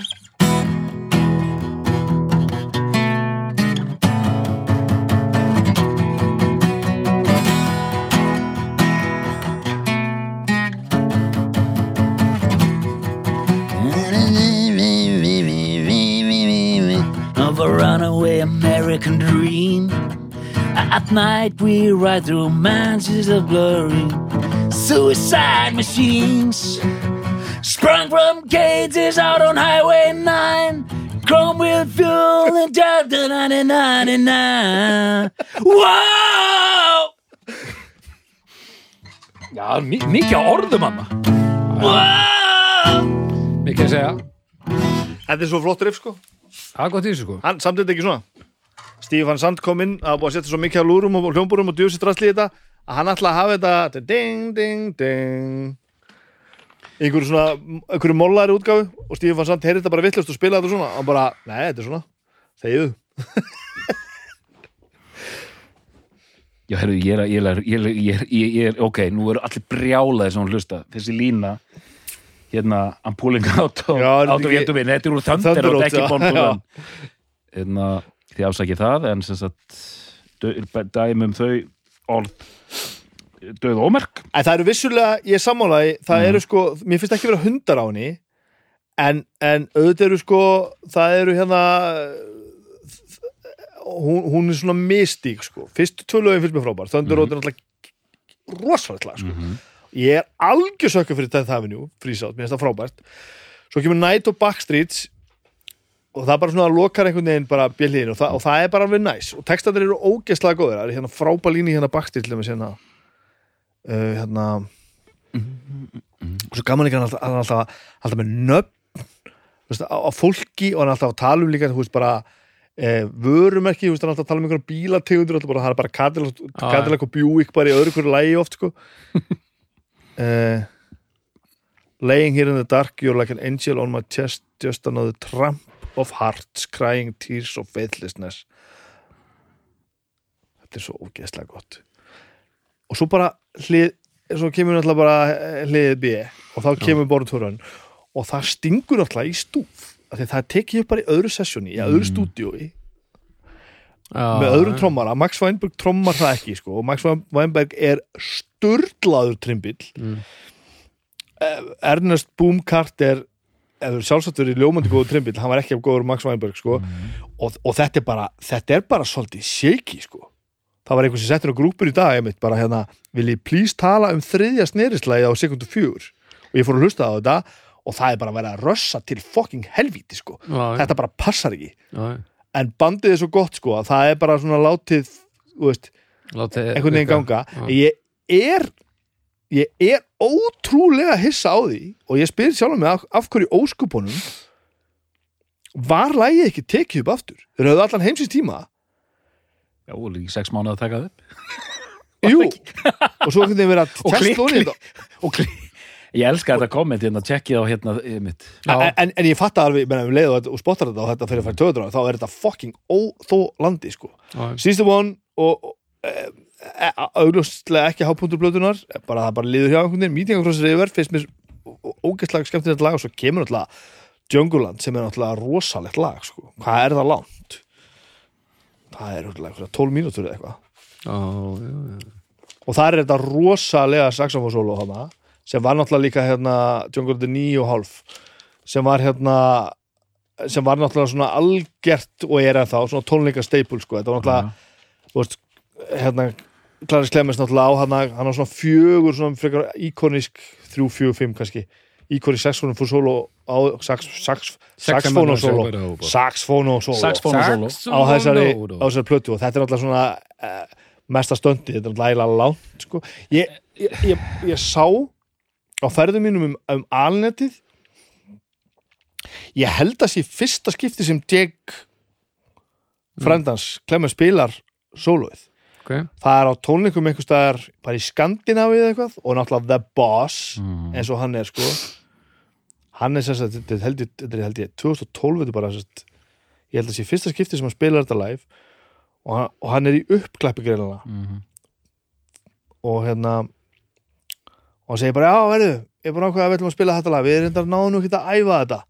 Bara Djönguland, það er tíu mínútur og bara erfið að saxofónsólu sögun og eitthvað og, og kannski er hann að spila aðeins líka, sko, og það er bara lagt á stað og þeir kunna alltaf að ég bara spila þetta áratugum saman náttúrulega það er ekki svo bandi sín ennum vandræðum, sko. Og svo kemur svona saxofón tónn í lægin sem er ekki í sólóinu og hann svona stígur eitthvað aðeins fram og tekur þetta og maður sér alveg svona að stráknum er ekki alveg sama, sko veist, hann er bara 32 ára þarna eitthvað mm. að fara að spila eitt frægasta saxofónsólu allra tíma eftir frenda sinn. En höldum við til að haga að Jake Clemens er, er ævintýrlegu saxofónleikari hann er ævintýrlega góður sko. Svo kemur þetta bara og og hann spilar það ljómandi vel. Veist, þetta er bara ljómandi, ljómandi góð bara flawless, engin stælar þannig veist, hann þarf bara að halda þetta út og Já, bara gera þetta vel og hann gerir þetta bara ógeðslega vel. Og maður sér náttúrulega bara að kallinn, the boss er náttúrulega bara kveðja bara, veist, þetta, er bara, besti vinnur hans. Já, já. Var bara maður sem, er- sem er, er, er áorkað það að vera kallaður the boss Mm. sem var að kveðja besta vinsin sem var búin að áorka það að vera kallaður the big man.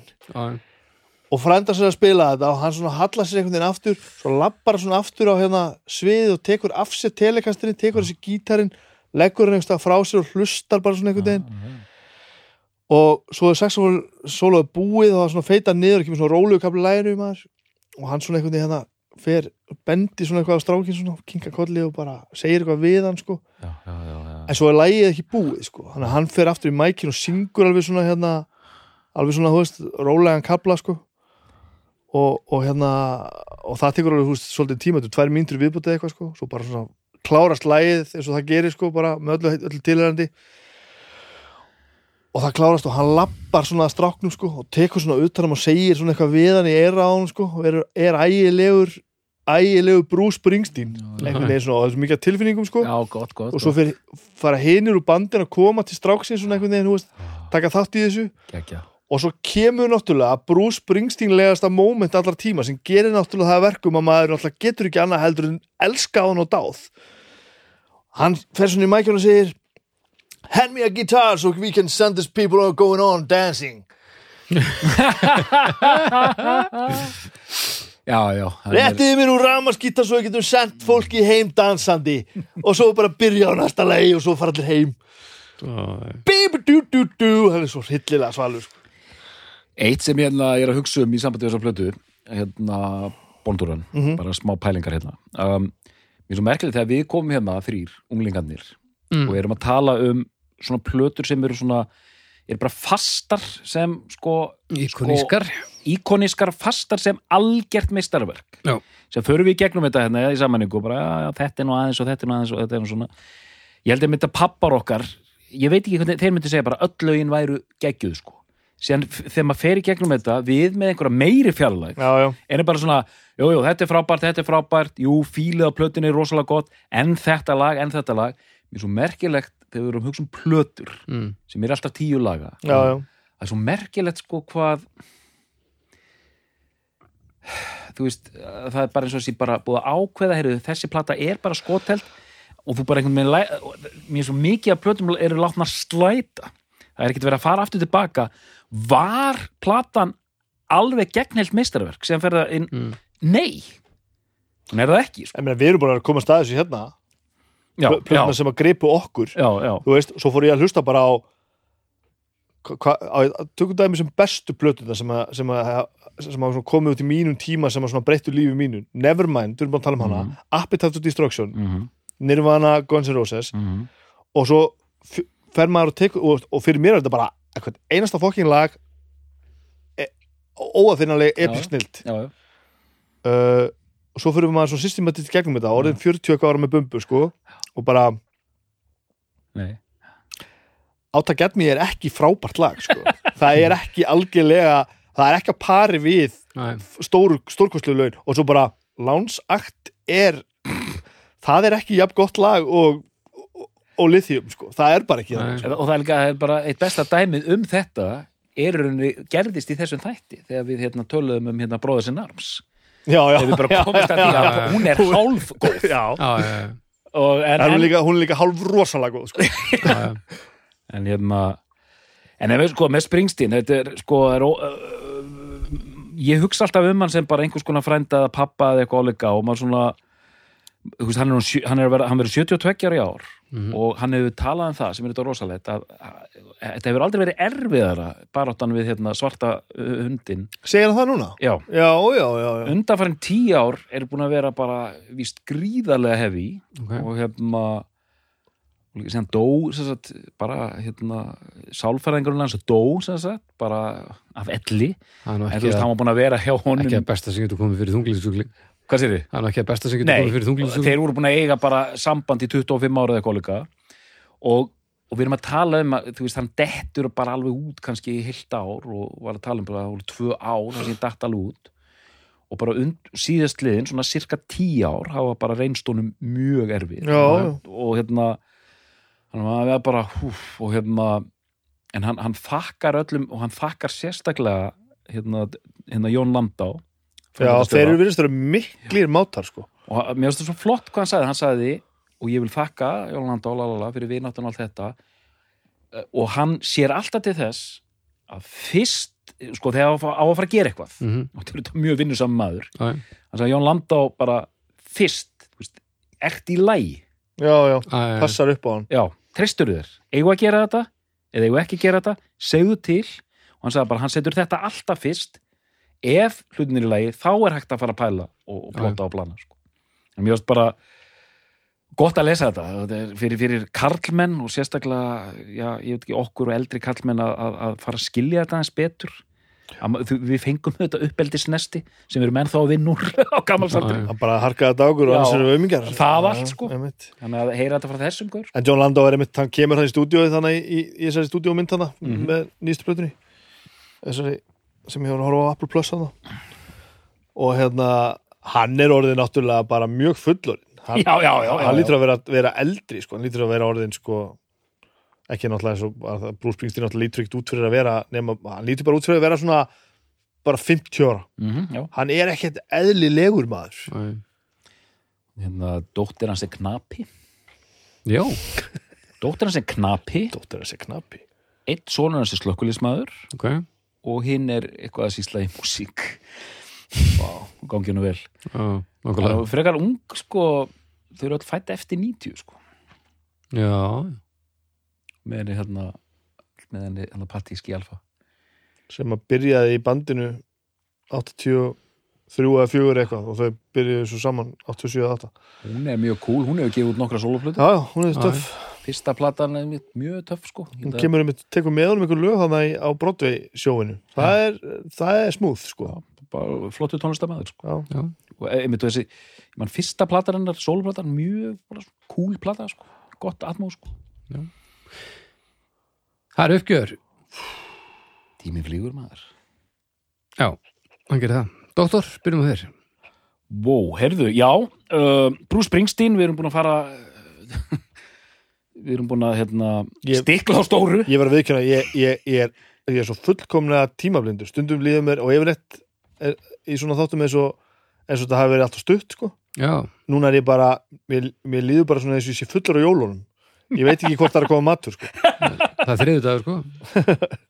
Um, Við erum að fara í gegnum þetta. Mér finnst besta plata Bruce Springsteen vera Nebraska, svo höldum því til Haga og er búin að úts- útskýra það hérna í þættinum. Mm Born to Run, eins og ég lýsi þetta er mikið hérna og ég ætla ekki að endurtaka það sem ég finnst að vera að plötunni Mm. þetta er tímamóta verk á ferli þessa manns þarna stígur hann fram þú veist, einmitt í þessu stórkostlega hérna, plötuumslægi Mhm. sem þessi sko nú er ekkert hobo hippa kjaftaði lengur, nei. hann er rockari Já. hann er meira lín, lín og mín stígur hann fram með þessi sko geggjuðu lög hérna Thunder Road, Born to Run og þú veist, er bara E Street bandið er að vera til hérna Mhm. og bara þú veist frábær plata og allt það en hérna, sem segir kannski mikið um fyrir þess að manns að hérna, mér finnst nokkra plötu vera betri en þessi sem sýnir að erum alveg nokkrar. þar já, já. þannig að hérna, eða nokkra, ég myndi segja fyrir mér Darkness og hérna Nebraska, Mm ég myndi meira segja að setja þið River ofar sko já, en hérna,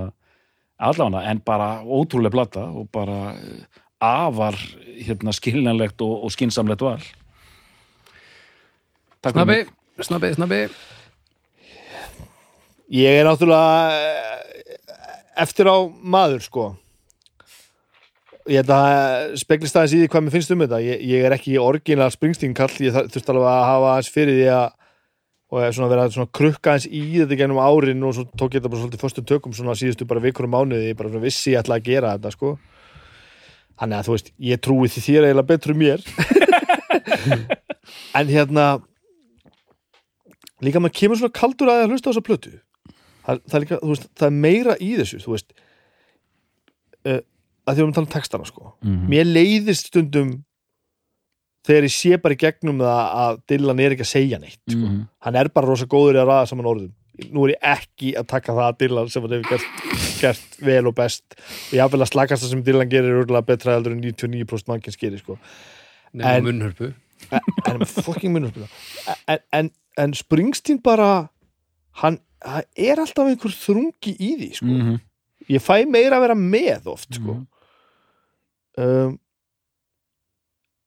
svo er tvent sem það náttúrulega líka að nefna sko. það er náttúrulega sérðu manni, sérðu framan á þetta cover hérna sérðu hvernig hann er meðan hann telekaster eh, sem er held ég hálfur Esquire og hálfur telekaster íkonisku ramaskítar sem að ef þú spilar rock and roll þá veistu hvað gítar þetta er sko. Settur saman á tveimur og notar þetta ennþá í dag.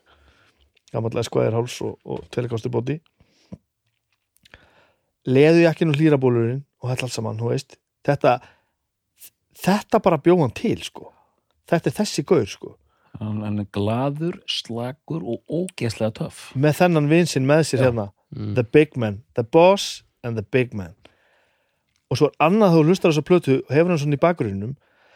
Þetta hljómar eins og A-klassa útgáfan að öllum intróum og öllum montage í öllum sjónvarsþáttum og bíómyndum late 70s og early 80s það er allt Já, öll músikinn sem var, var, var í öllum þessum myndum var einhver að reyna að gera það sem Bruce Springsteen var að gera á þessar plötu hérna og að mistakast það.